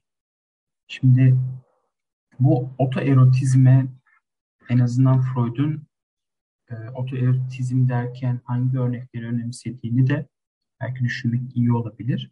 Bunlardan biri de bir çocuğun parmağını emmesi. E, burada tabii ki yas var, memeden ayrılan bir çocuk var ve aslında o keyfi artık kontrol edebilen de biri var. Burada bir kontrol meselesi de var. Otoretüzm daha kontrol edilebilir bir zemin yaratıyor. Şimdi okuyorum. E, cinsellik üzerine metninin öteki yayınlarının sayfa 95. Çevirmeni şimdi söylemeyeceğim. 97 baskı. E, parmak emen bir çocuğun davranışının zaten yaşanmış olan ve şimdi hatırlanan bir haz arayışıyla belirlendiği açıktır. En basit durumda çocuk, tenin veya mukoza zarının bir kısmını ritmik biçimde emerek bu duyumu bulur. Buna ek olarak çocuğun şimdi hatırlamaya çalıştığı haz deneyiminin ilkeleri hangi durumda yaşandığını tahmin etmek de zor değildir. Çocuğun bu hazla tanışmasını sağlayan şey onun ilk ve en hayati etkinliği yani annesinin memesini veya meme ikamesini ikamesi bir şeyi emmesidir. Ee, burada dudağın erotojenik olmasından bahsediyor. Şu örnek de çok hoş.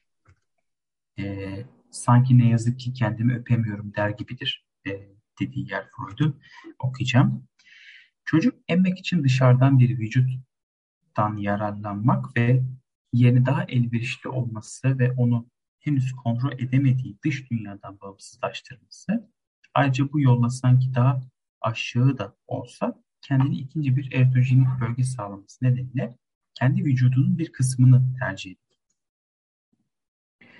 Bu ikinci bölgenin daha aşağı düzeyde olması daha sonra bir başka insanın buna karşılık gelen yerini, dudaklarını aramasının nedenlerinden birini oluşturur. Sanki yazık ki e, kendimi öpemiyorum der gibidir. E, bu okuduğumuz paragraflara işaret eden cinsellik üzerine metninden Kiyer.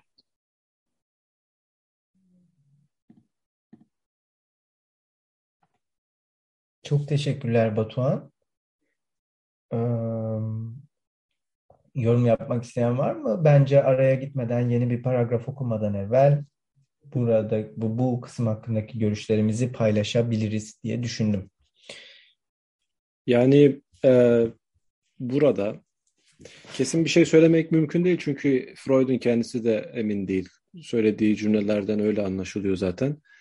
Mesela diyor ki işte libidonun, libido malum, hani herkes buradaki herkes biliyor da dinleyiciler için tekrar edelim. Kaynaktan en azından Freud'a göre kaynaktan ayrılan dürtünün basıncının e, yükselmesi ve azalmasıdır libido en temelde Freud'a göre. Dolayısıyla bu basıncın yükselmesi ve azalması yine okumaya devam edersek bir nesne yerine kişinin kendi vücuduna ve kişiliğine e, böyle bir fixlenmesi hı hı. istisnai bir durum değil diyor. Esasen sorun buralarda başlıyor. Sonra diyor ki işte tersine bu narsizmin e, genel ve kökensel olması. Dolayısıyla işte buradaki bu geçiş yani e, kişinin kendisine fixlenip kaldığı durumdan libidonun bu halinden nesneye doğru bir sıçrayış gerçekleşmesinin nasıl gerçekleştiği esasen. Tamam burada bir tür narsizmden bahsediyoruz. Fakat burada da bir geçişten de bahsediyor kendisi. Yani nesne libido gelişim tarihine atıfta bulunuyor. Tabii otoerotik tarihi de anlatarak. Fakat bunun nasıl gerçekleştiğine dair mesela en azından bu paragrafta e, bize şimdilik bir şey söylemiyor. Yani insanın kendine fixlenmiş halinden nasıl oluyor da nesneye doğru yöneliyor. Bunu mesela çok böyle yüzeysel bir biçimde e, annesinin memesini çekip alması gibi veya cinsel organına e, elini sürdüğünde etrafındaki insanların ona hemen müdahale etmesi gibi. Yani bir türlü kendisiyle doyuma ulaşamaması anlamında söylüyorum. Hatta bazı çocuklar var ki mesela gözünün o çukurunu oyarcasına böyle kaşıyor gözlerini Ondan zevk alıyor mesela hani ona acı verse de kısmen.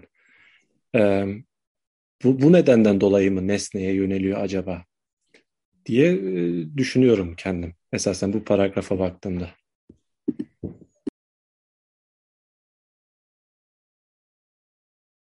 Yorum yapmak isteyen var mı?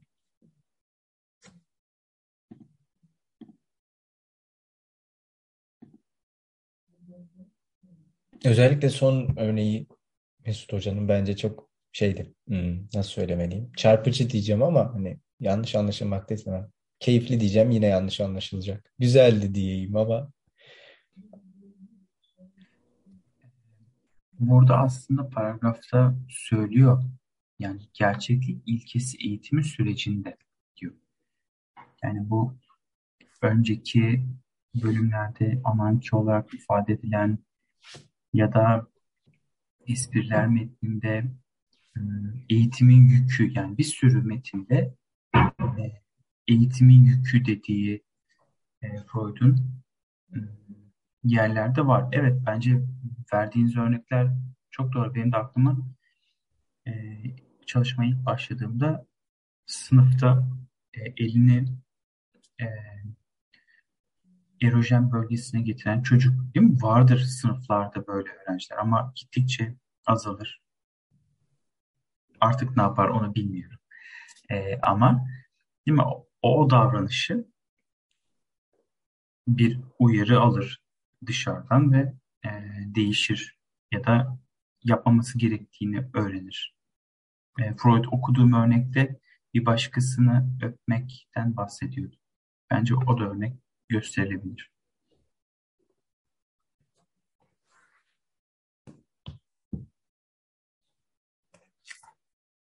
Yorum yapmak isteyen var mı?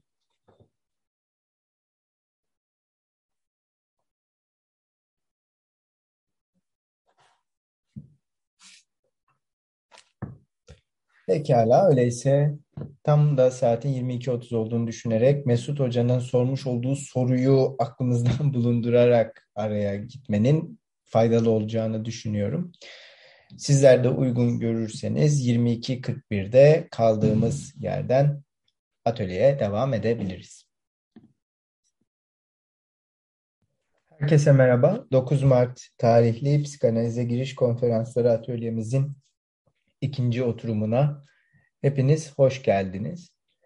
Ee, hatırlayacak olursanız araya Mesut Hoca'nın sorusu ile gitmiştik ve tam olarak e, o tekrar etmek mümkün olmasa da kendisi e, narsisistik evreyi takip eden nesne seçiminin e, kaynağını sormuştu diyebiliriz belki. Niçin? Niçin kişi artık kendi bedenine değil de bir nesneye gider? Ee, daha sonrasında da onun bu sorusunun ardından sevgili Batuhan Saç e, bunun e, Freud'un burada tırnak içerisinde eğitim olarak ve gerçeklik ilkesiyle beraberce bahsettiği şeyle ilgili olabileceğini e, ve bu türden bir açıklamanın Freud'un muhtelif metinlerinde benim hatırladığım kadarıyla Batuhan'ın yorumundan Espriler başlıklı kitabında bulunabileceğini söylemiş idi. Tavsiye e, şu olacaktır. E, müsaadenizle okumaya devam edelim ve Freud'un e, bu hususta geliştirdiği cevabın ne olabileceğine bir bakalım. Çünkü takdir edersiniz ki ilerleyen paragraflarda Freud'un kendisi narsisistik nevrozlarda megalomanin ardından yeniden amipe, amipe göndermesiyle tırnak içerisinde nesnelere diyelim ama Freud'un tabiriyle nesnelerin gölge bahsedecek. Belki o zaman bu soruyu layıkıyla tartışmak için daha fazla e, veri, materyal ya da imkan olur elimizde. Şöyle devam ediyoruz. 489. sayfanın ikinci paragrafında Freud şöyle yazıyor. Kısaca özetlemek gerekirse e, ego libidosu ile nesne libidosu arasındaki ilişkiye zoolojiden bir benzetmeyle açıklık kazandırmaya çalışacağım.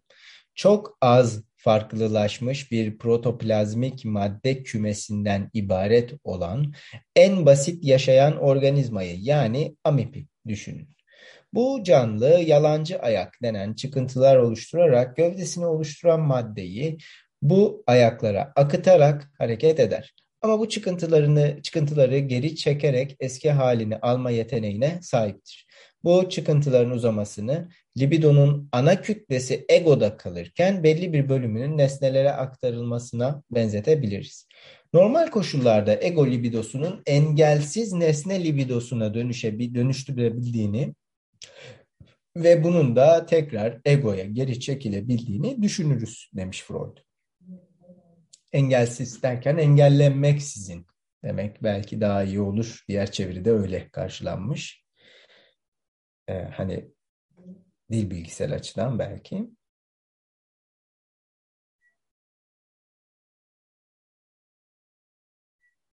Ee, diğer bir yandan da esasında oturumumuzun ilk yarısında metnin e, daha erken paragraflarını tartışırken Freud'un Soma ve Germ arasında yani Soma ve tohum arasında aslında yaptığı ayrımı hatırlayacak olursak burada da Amip'in yalancı ayakları ve Amip'in gövdesi hakkında söyledikleri yine aşağı yukarı sanırım aynı amaca hizmet edebilecek örnekler ki Freud tarafından da tekrar tekrar kullanılan örnekler.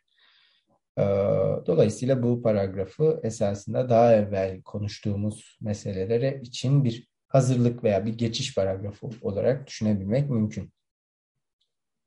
Yorum yapmak isteyen var mı? Şimdi bir önceki paragrafta bir soru yönelttik. Aslında bu soruları sormamızın nedeni mutlak bir cevap almak değil esasen e, dinleyicilerin zihninde bir şeyler oluşturmak ve onlardan geri dönüşler alarak da bir fikir teatisinde bulunmak. Burada da yine e, Freud e, buraya kadar anlattıklarını esasen daha doğrusu bunları dinlerken, bunları okurken aklıma soruya cevap olabilecek şöyle bir şey geldi. E, bir ihtimal olarak. İnsan e, özne doğar doğmaz veya etrafındaki şeyleri bir resim şeklinde basit manzaraya e, izlerken, temaşa ederken şimdiden de bizler biliriz ki etrafımızda nesne doludur. Yani nesneden bağımsız bir özne neredeyse biz düşünemeyiz. Hatta öyle reklamlar ve öyle filmlerin sahneleri vardır mesela. Bunları arka arkaya izlediğimizde etrafımızda hemen her milimetrede bir nesneyle dolu olduğunu görüyoruz. Dolayısıyla soruyu e, neden nesneye aktarılır e, diye değil de bunu bir şekilde dönüştürüp bu nasıl olur? E, hmm. Nasıl sorusuna çeviririz sorumuzu. Freud burada aslında nasıl sorusuna şöyle son cümlede benim anladığım kadarıyla cevap veriyor. Esasen bu libido yani kaynakta kaynaktan ayrılan dürtünün bu kendisi bende kalır esasen. Bu burada e, ego libidosu diyor ama kitapta ich libido diyor. Ben diyelim. Ben ona ben demeyi tercih ediyorum. İch'ten efendim bir şeymiş gibi duruyor da ama das ich ben demek. E, bende kalır esasen bu libido. Fakat bu vermiş olduğu hayvan örneğinde de görüldüğü gibi bu bazen nesneye de dönüşebilir veya aktarılabilir. Fakat bunun en büyük esel diyelim kaynağı yine egonun kendisindedir. Dolayısıyla bu nasıl olur? Ee, bu ayrım söz konusu olur sorusunun cevabı da yine Freud tarafından e, en azından benim kadarıyla verilmiş e, olur.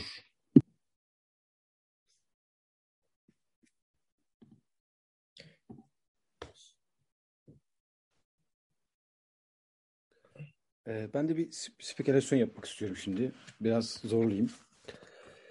Ee, şimdi burada ego libidosu ve nesne libidosu ilişkisi üzerinden düşünmeye çalışıyorum. Kafamda bir örneklendirme yapıyorum hemen. Birini sevdiniz, ona aşık oldunuz.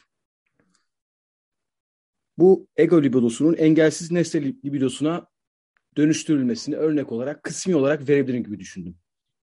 Sonrasında o kişi öldüğünde, ayrıl öldüğünüzde, ayrıldığınızda veya herhangi bir durumda birliktelik sona erdiğinde artık ego nesne libidosu e, nesne libidosunu geriye çektiği çekiyor gibi.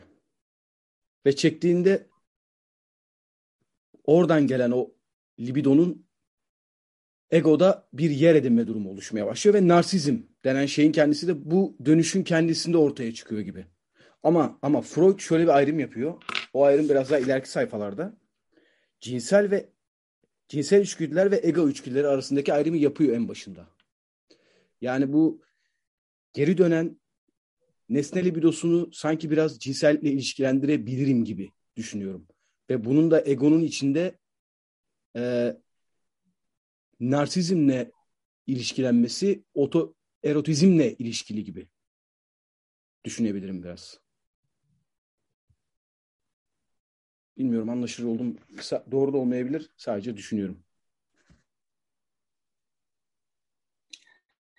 Yani müsaade ederseniz ben de e, fikrimi paylaşmak istiyorum. Yani bende nasıl çağrışımlar yaptı aslında.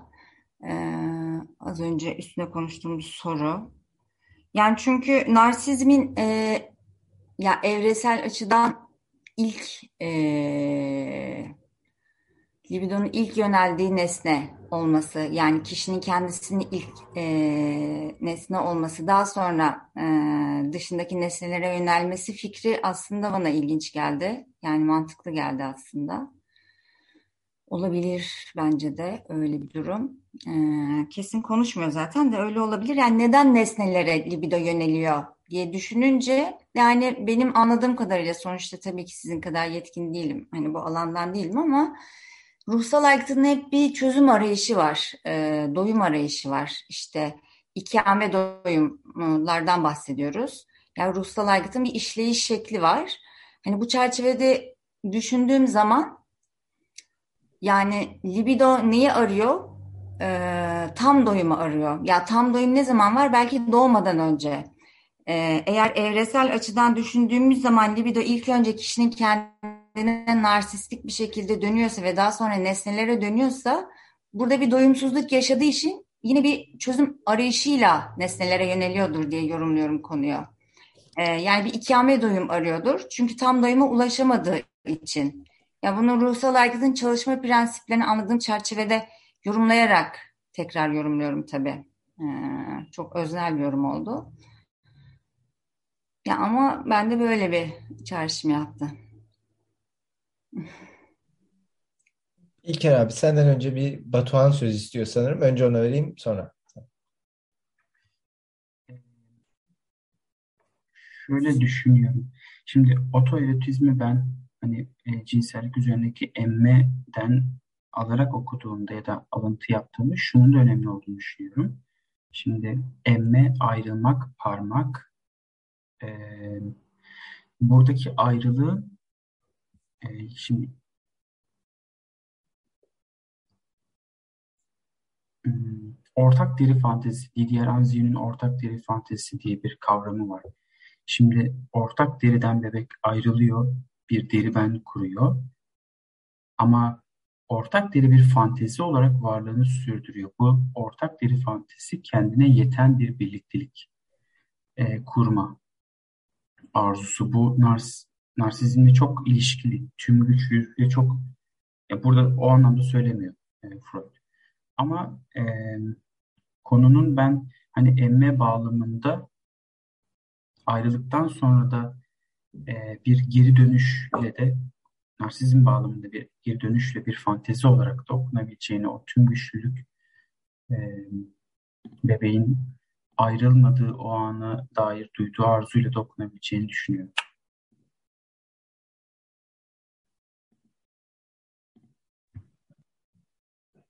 İlker abi. Ha, peki. O halde e, Mesut Hoca'ya, İlker abiye, Tuğba Hanım'a ve son olarak da Batuhan'a çok teşekkürler katkıları için. Mesut Hoca aslında oturumun ilk yarısının sonunda sorduğu soruyu yani neden nesne sorusunu nasıl nesne sorusuna çevirdi. Nasıl nesne derken nesne niteliğinden değil yani biraz da sözcük oyunu yapmak için bu şekilde kullandım. bu nesne seçiminin ya da nesnelere yönelimin nasıl olduğu sorusuna e, dönüştürdü. E, Tuğba Hanım bu görüşlere e, bir ruhsal aygıtın bir çözüm arayışı içerisinde değerlendirilebileceğini ve bu şekilde düşünüldüğünde akla yatkın olduğunu bizimle paylaştı. E, İlker abi ego libidosu ve e, cinsel libido arasında Freud'un gittiği ayrıma değindi ve son olarak da Batuhan Didianzu'nun e, ortak deri kavramından bahsetti ve as esasında bu kısa paragrafı Freud'un bir örnek sunduğu paragrafı e, zenginleştirmiş oldu tüm bu katılımcılarımızın yorumları. Bu vesileyle ben de sonraki paragrafı okuyarak devam edeceğim çünkü bana söyleyecek hiçbir şey kalmadı. Ee, şöyle yazıyor Freud. Bu görüşlerin de yardımıyla çok sayıda ruhsal durumu, aşık olan, organik bir hastalığı bulunan ya da uyuyan bir insanın ruhsal davranışı gibi normal yaşama ait olan durumları açıklayabilir ya da alçak gönüllü olmak gerekirse libido terimleriyle tanımlayabiliriz. Uyku durumunda bunun dış dünyadan uzaklaşmaya ve uyuma arzusuna dayandığını söylemiştik. Gece boyunca rüyalarda gerçekleşen ruhsal etkinliğin uyuma arzusunun kontrolü ve salt bencilce güdülerin egemenliği altında olduğunu görmüştük. Şimdi de libido teorisine paralel olarak uykunun hem libidinal hem de bencilce bütün nesne yüklerinin bırakıldığı ve egoya çekildiği bir durum olduğunu ekleyebiliriz. Bu da uykunun tazeleyici etkisine ve genelde yorgunluğun yapısına yeni bir ışık tutmaz mı? Geceleyin uyuyan kişinin bir kez daha oluşturduğu rahim içi yaşamın mutluluk verici tecrit tablosu böylece ruhsal açıdan da tamamlanmış olur. Uyuyan insanda libidonun ilk dağılım durumu yani libido ve ego arasındaki özür dilerim libido ve ego çıkarının çıkar kelimesi üzerine durmuştuk hatırlayacak olursanız henüz bir ve ayırt edilemez olduğu aynı kendine yeterli ego içinde bütünleştiği tam narsisizm durumu yeniden oluşur demiş Freud.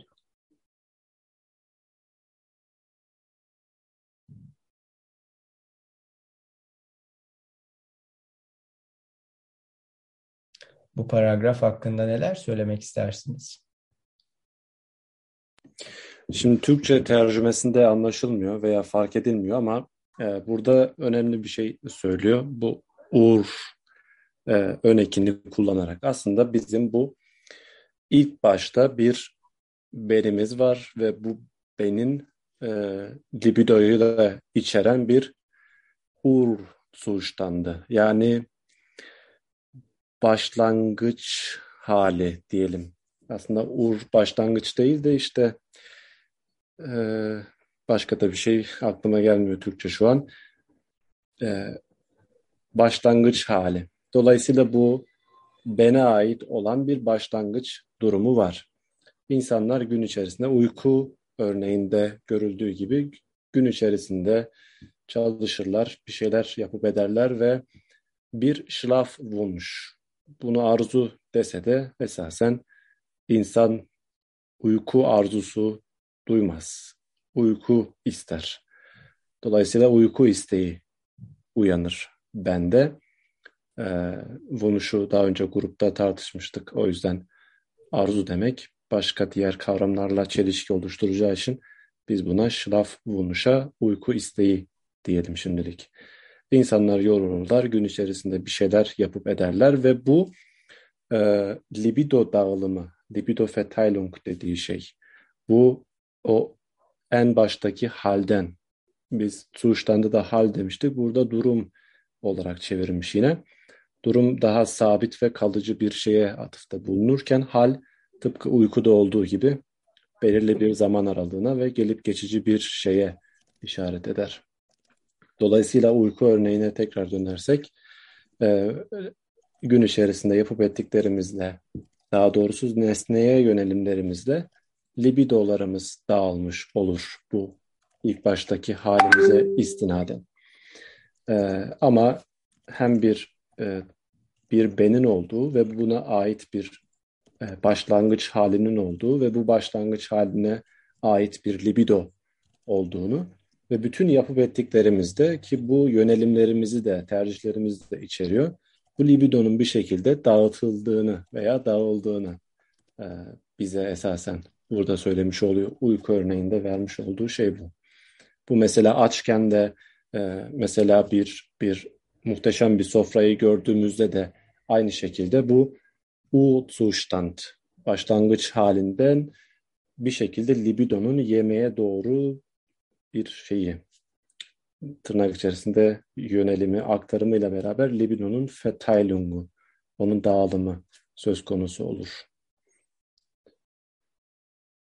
Diye e, ben şahsen yorumlayabilirim. Teşekkür ederiz hocam. E, katkıda bulunmak isteyen var mı? Ben şöyle düşünebilirim. Gölgeden bahsetti. Şey, nesnenin gölgesi. Merkezine geçiyordu yanılmıyorsam. Aynen. Aynı şekilde burada uyanık durumla uyku durumu arasındaki ilişkiyi düşündüm. İşlerliğin birbirine çok yakın olduğunu düşündürttü bana. Çünkü aslında biz o gölgeyle uğraşıyoruz yine. Nesne yüklerinin egodaki gölgesiyle uğraşıyoruz. Böyle bir şey geldi aklıma. Yani egonun uyku sırasında devinimde de aynı şekilde gerçeklik ilgesi, ilkesinin e, nesnelerle ilgili halini görüyoruz yine. Aynı şekilde yine. Çünkü uyanıkken de uykudayken de zaten bir egoya sahibiz. Zaten e, bilinç dışından gelen o e, ya da sızmaya çalışan şeylerin de engellemesinin uyku sırasında hala devam ettiğini zaten biliyoruz.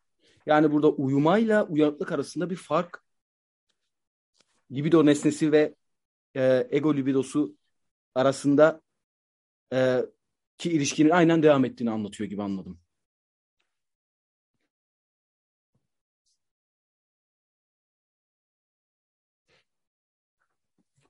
Ben buna karşı olmak zorundayım. Çünkü biz uyurken e, etrafımızdaki nesnelerin esasen ne olduğuyla ilgilenmeyiz. Yani hani bir tane Babam Sınıfı filmi vardı. Herkes hatırlar. Kampa gittiklerinde çadırın içerisindeki kimdi hatırlamıyorum. Onu alıp e, göle doğru bırakıyorlardı. Sabah uyandığında da kendisini suyun üzerinde buluyordu mesela. Dolayısıyla ister bu e, çadırın içerisinde olsun uyurken bir insan, ister e, bir gölün üzerinde bir e, şeyin üzerinde yüzüyor olsun. Esasen uyku halinde e, onu ilgilendiren pek bir şey yoktur. Yani libidonun dağılımını değiştirebilecek pek bir şey yoktur anlamında söylüyorum. Çünkü duyu organları olmaksızın libidonun neye yöneleceğini konuşmak esasen çok zor bir şey. Bunu temellendirmek çok zordur yani. Haliyle rüyaları yorumlamak zaten başlı başına bir şey sorundur. Ee, dolayısıyla uykuda olmakla uyanık olmak arasında libidonun dağılım göstermesi açısından çok büyük farklılıklar vardır. İkisinin aynı şey olduğunu düşünmek e, yani bunu temellendirmenin zorluğunu beraberinde getirir. Belki ben yanlış anlamış olabilirim ama e, en azından anladığım kadarıyla e, uyku halinin ve uyanıklık halinin libidonun dağılımı konusunda birbirinden çok farklı bir zeminde olduğunu söylemek gerekir.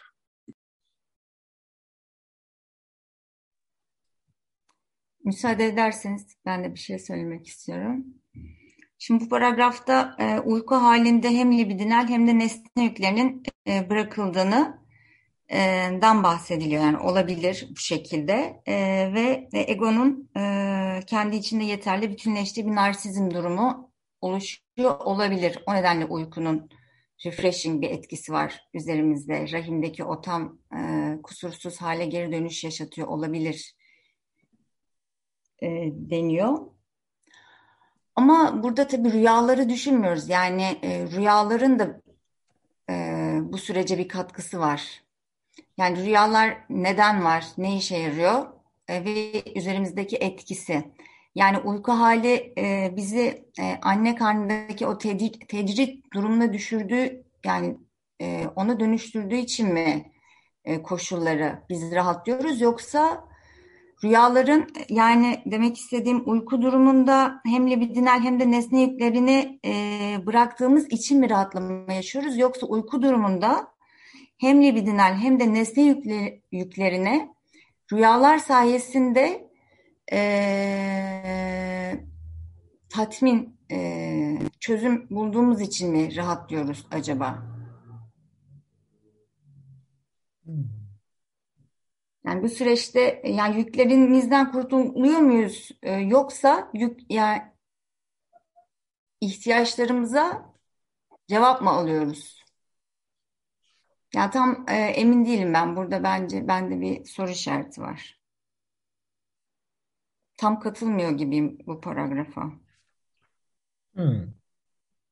Ya çünkü rüyalar ve rüyaların işlevi e, burada sanki göz ardı ediliyor gibi. Şunu söyleyebilirim. Ee, şimdi hatırlarsanız bu oturumu açarken yani ilk ot- oturumun başlangıcını yani ikinci oturumdan bahsetmiyorum. Ee, bu e, konferansın Freud'da işte ego diye çevrilen ben ya da benlik belki diyebileceğiniz kavramın gelişimine hasredilen ya da ona hasredilmese de bu kavramın ya da yapının diyelim gelişiminden bahseden metinlerin metinler e, ile beraberce okumasının kıymetli olabileceğini söylemiştim. Verdiğim örnekler işte birisi yani kronolojik olarak ilerlemek gerekirse proje, diğeri düşlerin yorumu, son olarak da düşler kuramına metapsikolojik bir ekten bahsetmiştim.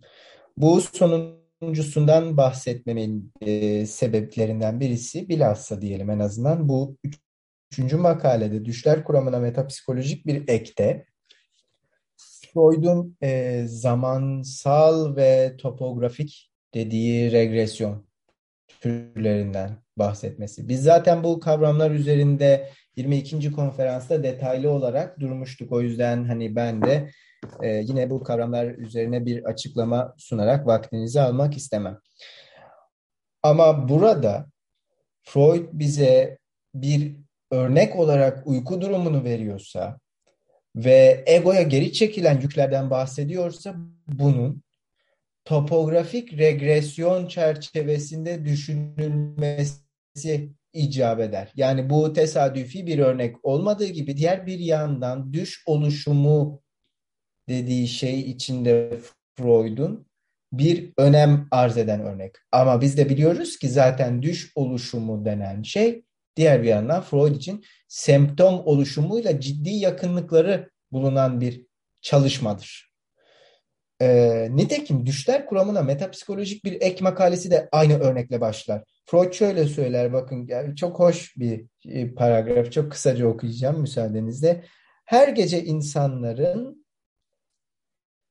e, yerine geçenler yoluyla bu organların eksiklerini düzeltmeyi başardıkları sürece bedensel organlarının tamamlayıcısı olarak kullanabildikleri bir şeyi örneğin gözlüklerini, takma saç ve dişlerini ve benzerini olduğu gibi derilerini sarmaladıkları ambalajları da bir yana bıraktıkları gerçeği üzerinde fazla düşünme alışkanlığında değiliz diyor Freud.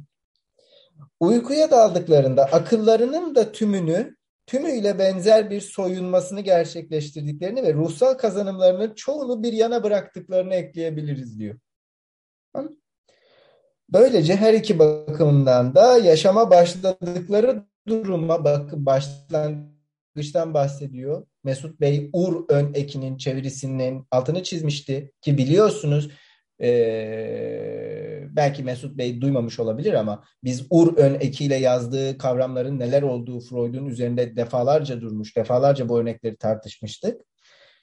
Ee, burada da yine bir başlangıç durumundan bahsediyor Freud ve diyor ki bu duruma yaklaşırlar dinginlik, ılıklık ve uyaranın dışarıda kalması durumlarını tıpkı onun gibi yerine getiren uyku bedensel olarak rahim içi bakın yine geldi. Rahim içi varoluşun yeniden yaşama getirilmesidir falan.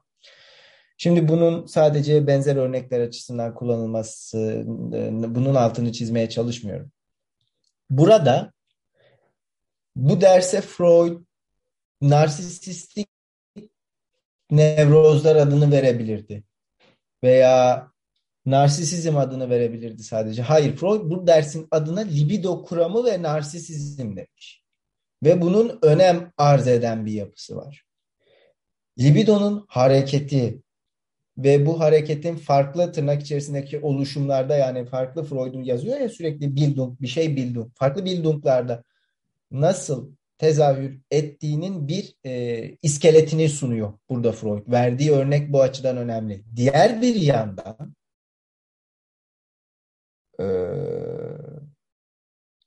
uyku durumuna geçişte egoya geri çekilen yükler ile birlikte algının ve bilincin vaziyetinin tartışılması açısından Freud'un ruhsal aygıtın ve hatta belki arzunun fenomenolojisi açısından sunduğu pek çok açıklamanın da çok kısaca da olsa bir kökeni var bu paragrafta. Yani bu çok önemli bir örnek.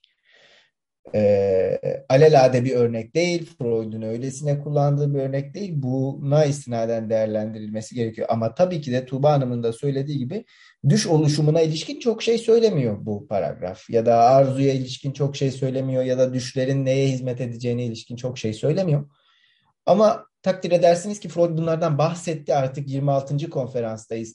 Her örnek verişinde örneğe ilişkin tüm meseleleri konuşmaya kalksa o zaman konuşamaz hale gelebilir. Diğer bir yandan da Freud'un ekonomik olmak gibi bir kaygısı da olabilir. Takdir edersiniz ki bun, burada insanlara hitap ediyor. Biz burada duruyoruz, üstünde konuşuyoruz. Kolay bu aslında. Ama bunu dinlediğinizi varsayın. O zaman o kadar kolay olmayabilir mesele.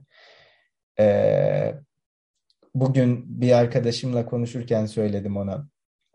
Hani bu Lacan'ın seminerlerinde Lacan'a bazen abuk sabuk sorular soruyorlar ya. Hani garip. Okuduğumuz zaman komik geliyor. Nasıl böyle bir soruyu sormuş diye.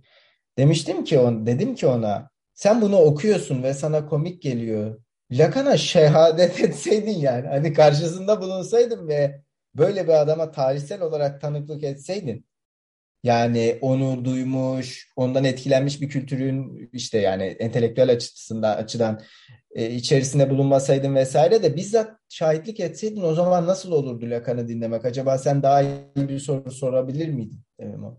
Çünkü okumak farklı ama dinlemek başka bir deneyim. O yüzden bir yandan bu örneğin pek çok şey kapsadığını söylemek, diğer bir yandan da Freud'un her şeyden tar şey tartışmadığını da kabul etmek zorundayız bu örnekte. Çünkü geçmişte tartıştı e, diyerek en azından hani farklı e, yorumları toparlamak değil estağfurullah ama hani bağlamak ve bir sonraki paragrafa geçmek için müsaadenizi istemek durumundayım.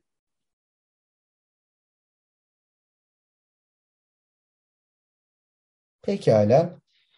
Bence şöyle yapabiliriz. Sizin e, önerinize sunuyorum bunu. Nasıl takdir ederseniz o şekilde ilerleyelim. Bir sonraki paragraf bencillikten bahseden hani esasında çeviri çeviriye, metnine esasına bakarak da ilerlememiz gerekebilecek ki zaten hani çeviri tartışmalarını gruba attığımız için hafta içerisinde yani biz biraz daha hızlı ilerleyebiliriz tabii ki ama hani konuştuk bunları çünkü bir paragraf önemli. Bu metnin e, libido ile ilişkili ve ekonomi ile ilişkili tartışmalar açısından. Benim önerim bu e, kısmı okuyup bu tar- e, yorumlarımızı beyan edip bu oturumu sonlandırmamız yönündedir. E, sizler ne düşünürsünüz öğrenmek isterim açıkçası. En azından kafa sallayanların benimle aynı fikirde ol. Yani çünkü bir sonraki sayfada Züleyha ile Atemi var. Yani evet. hani bir şiir var. Hani o yüzden e, bir de açıkçası ben çok hakim değilim ama hani biraz Almancasına bakmaya çalıştım. Çok da iyi bir çeviri de değil. Belki hafta içerisinde bu şiirle biraz ulaşıp bir sonraki haftaya bununla gelirsek daha iyi de olabilir. Hani buradaki çeviriyle o da ilginç bir mesele. Çünkü Freud bu çeviriyi e, narsisizmle işte aşk arasındaki ilişkiyi açıklamak için kullanıyor. Çeviri çok onu açık etmiyor. Öyle söyleyeyim. Kapatmış üstünü biraz. Ama çok güzel tabii ki. Her, her koşulda. O halde müsaadenizle e, Mesut Hocam ben şimdi şey yapmak istemedim. Hani e, takdir edersiniz ki o sizin kadar cesur bir yorumda bulunamam ben. Hani o benim bildiğim bir dil değil ama e, yani evet e, neredeyse hemfikiriz. E, şimdi müsaadenizle e, sonraki paragrafı okuyorum. Bugünkü son paragrafımız olacak bu. E, şöyle söylüyor Freud burada. Burası, eh, özür dilerim yanlış çeviri yok. Bazen dalıyorum. Önümde payel var onu okumaya başlıyorum. Ee, heh, şurada. Sırası gelmişken iki noktaya daha değinmek istiyorum demiş Freud. Birincisi narsisizm ve bencillik kavramları arasında nasıl bir fark öngörüyoruz? Narsisizmin, bencilliğin libidinal tümleyeni olduğuna inanıyorum.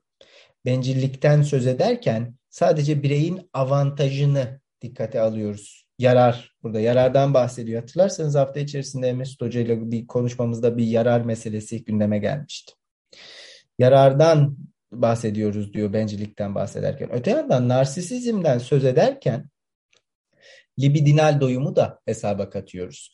Pratik güdüler olarak bu ikisi arasında epeyce mesafe konabilir nesnelerle ilişkili libidinal doyum ego ihtiyaçlarının bir bölümünü e, oluşturduğu ölçüde mutlak anlamda bencil olup buna rağmen güçlü nesne yüklerini devam ettirmek mümkündür.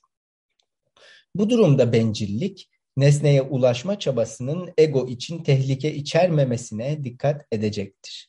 Aynı anda hem bencil hem de aşırı narsist olmak yani ister dolaysız cinsel doyum için ister cinsel arzudan türetilen ve bazen sevgi adı altında tensellikten farklı tutulan daha yüksek özlemlerle ilişkili olsun. Şimdi burada çeviri gittikçe sıkıntılı hale gelmeye başlıyor. Payel'de neyseydi ama hani şimdi burada sevgi, aşk, e, tensellik dediği şey burada Payel'de kös, kösnüllük olarak çevrilmiş. Sinnlichkeit Almancası. Onu söylemem gerekiyor. E, özlem dediği şeyin zaten konuşmuştuk. Freud burada hani e, Strebung'dan bahsediyor. Özlem olarak çevrilebilecek Sehnsucht diye bir kavram var ama o burada geçmiyor gibi. Hani bunu ben şu anda okuyorum ama lütfen hani yapacak hiçbir şeyim yok. Bunu akılda tutmamız gerekiyor. Ee, bütün bu bağlamlarda bencillik kendi içinde açık ve sabit bir olguyken narsisizm değişken öğedir. Bencilliğin tersi olan özgeç, özgecilik tabii ki bu ise bir kavram olarak libidinal nesne yüküyle çakışmaz. Cinsel doyum özlemlerinin yokluğuyla bundan ayrılır diyor.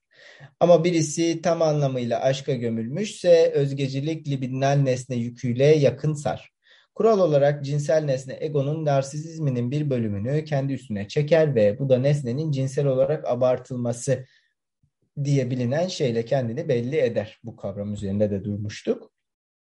Buna ek olarak bencillik cinsel nesne üzerinde özgecil bir dönüşüme uğramışsa nesne büyük bir güç kazanır, değiş yerinde ise egoyu yutar demiş Freud burada bize ki burada sunduğu özellikle aşk açısından sunduğu açıklamanın e, hani ilerleyen sayfalarda gölge meselesi geldiğinde yine yas ve melankoliye dönebiliriz tabii ki ama burada da yas ve melankolide sunduğu açıklamaların ekonomik boyutuyla nasıl bir ilişkisi olduğu kendisini sanki hemen belli ediyor gibi. Sadece işte burada abartılmadan bahsediyor, orada idealizasyondan, ülküselleştirmeden diyelim bahsediyordu. Ee, burada farklı olarak bir bencillik meselesi var. Ve tabii avantaj değil mi? Ee, hatırlayacak olursanız şunu söyleyerek ben bugünkü son sözümü noktalamış olayım. Freud bize e, e, e, jenerasyonlar arası kalıtım ve e, faydadan bahsetmişti bu bu bölümün başında zaten ve demişti ki hani cinsellik tamamı fayda ile açıklanabilecek olan bir e, eylem değil, durum değil ya da belki bilmiyorum.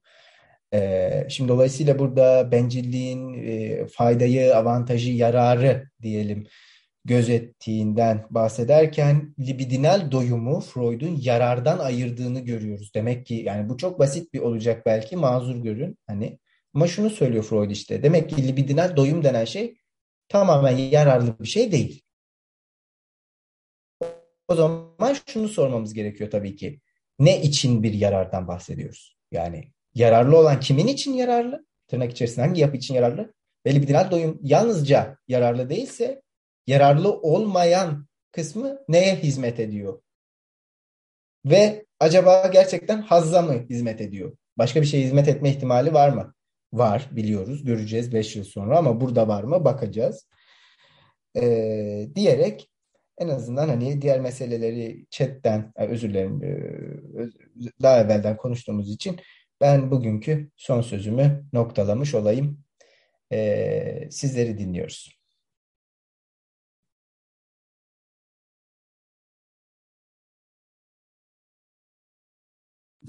Yani ben bu, bu, bu metnin e, kendisinin önemli olduğunu düşünüyorum ve tercümenin naçizane yetersiz olduğunu düşündüğüm için bugün muhtemelen yetiştirebilirsem sadece bu paragrafın çevirisini e, gruba sunacağım.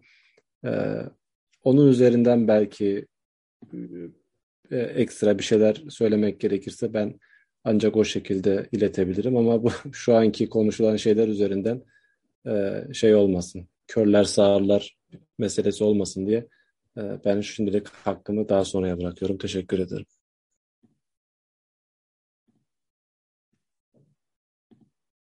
Yorum yapmak isteyen var mı?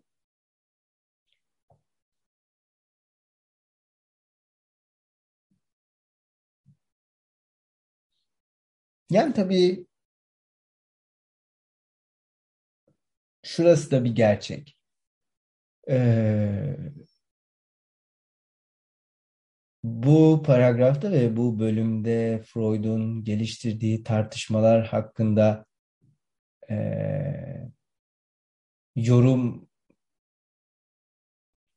yaparken um,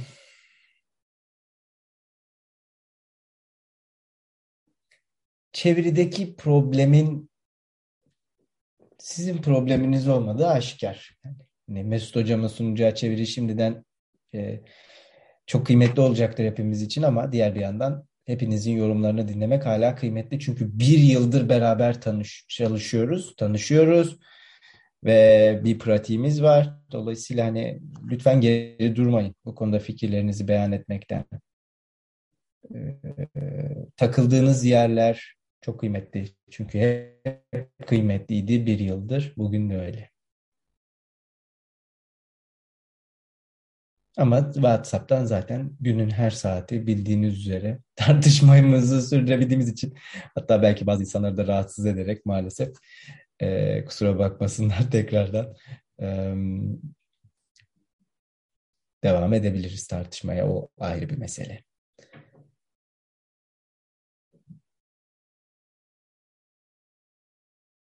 Pekala öyleyse sessizliğin bozulmayacağını öngörüyorum. Ve o halde müsaadenizle bugünkü oturumumuzu sonlandırıyorum. Ee, her zaman olduğu gibi önümüzdeki haftada her konferansa iki haftalık bir süre ayırdığımız için 26. konferansı çalışmaya e, Freud'un Goethe'den verdiği örnekle devam edeceğiz aslında. E, bugün katılan fikirlerini beyan eden ve sabreden herkese çok teşekkür ederim kendi adıma. Bilhassa yine kayıttan dinleyenlere de aynı şekilde. Önümüzdeki hafta çarşamba günü her zamanki gibi akşam 9'da görüşmek dileğiyle kendinize çok iyi bakınız.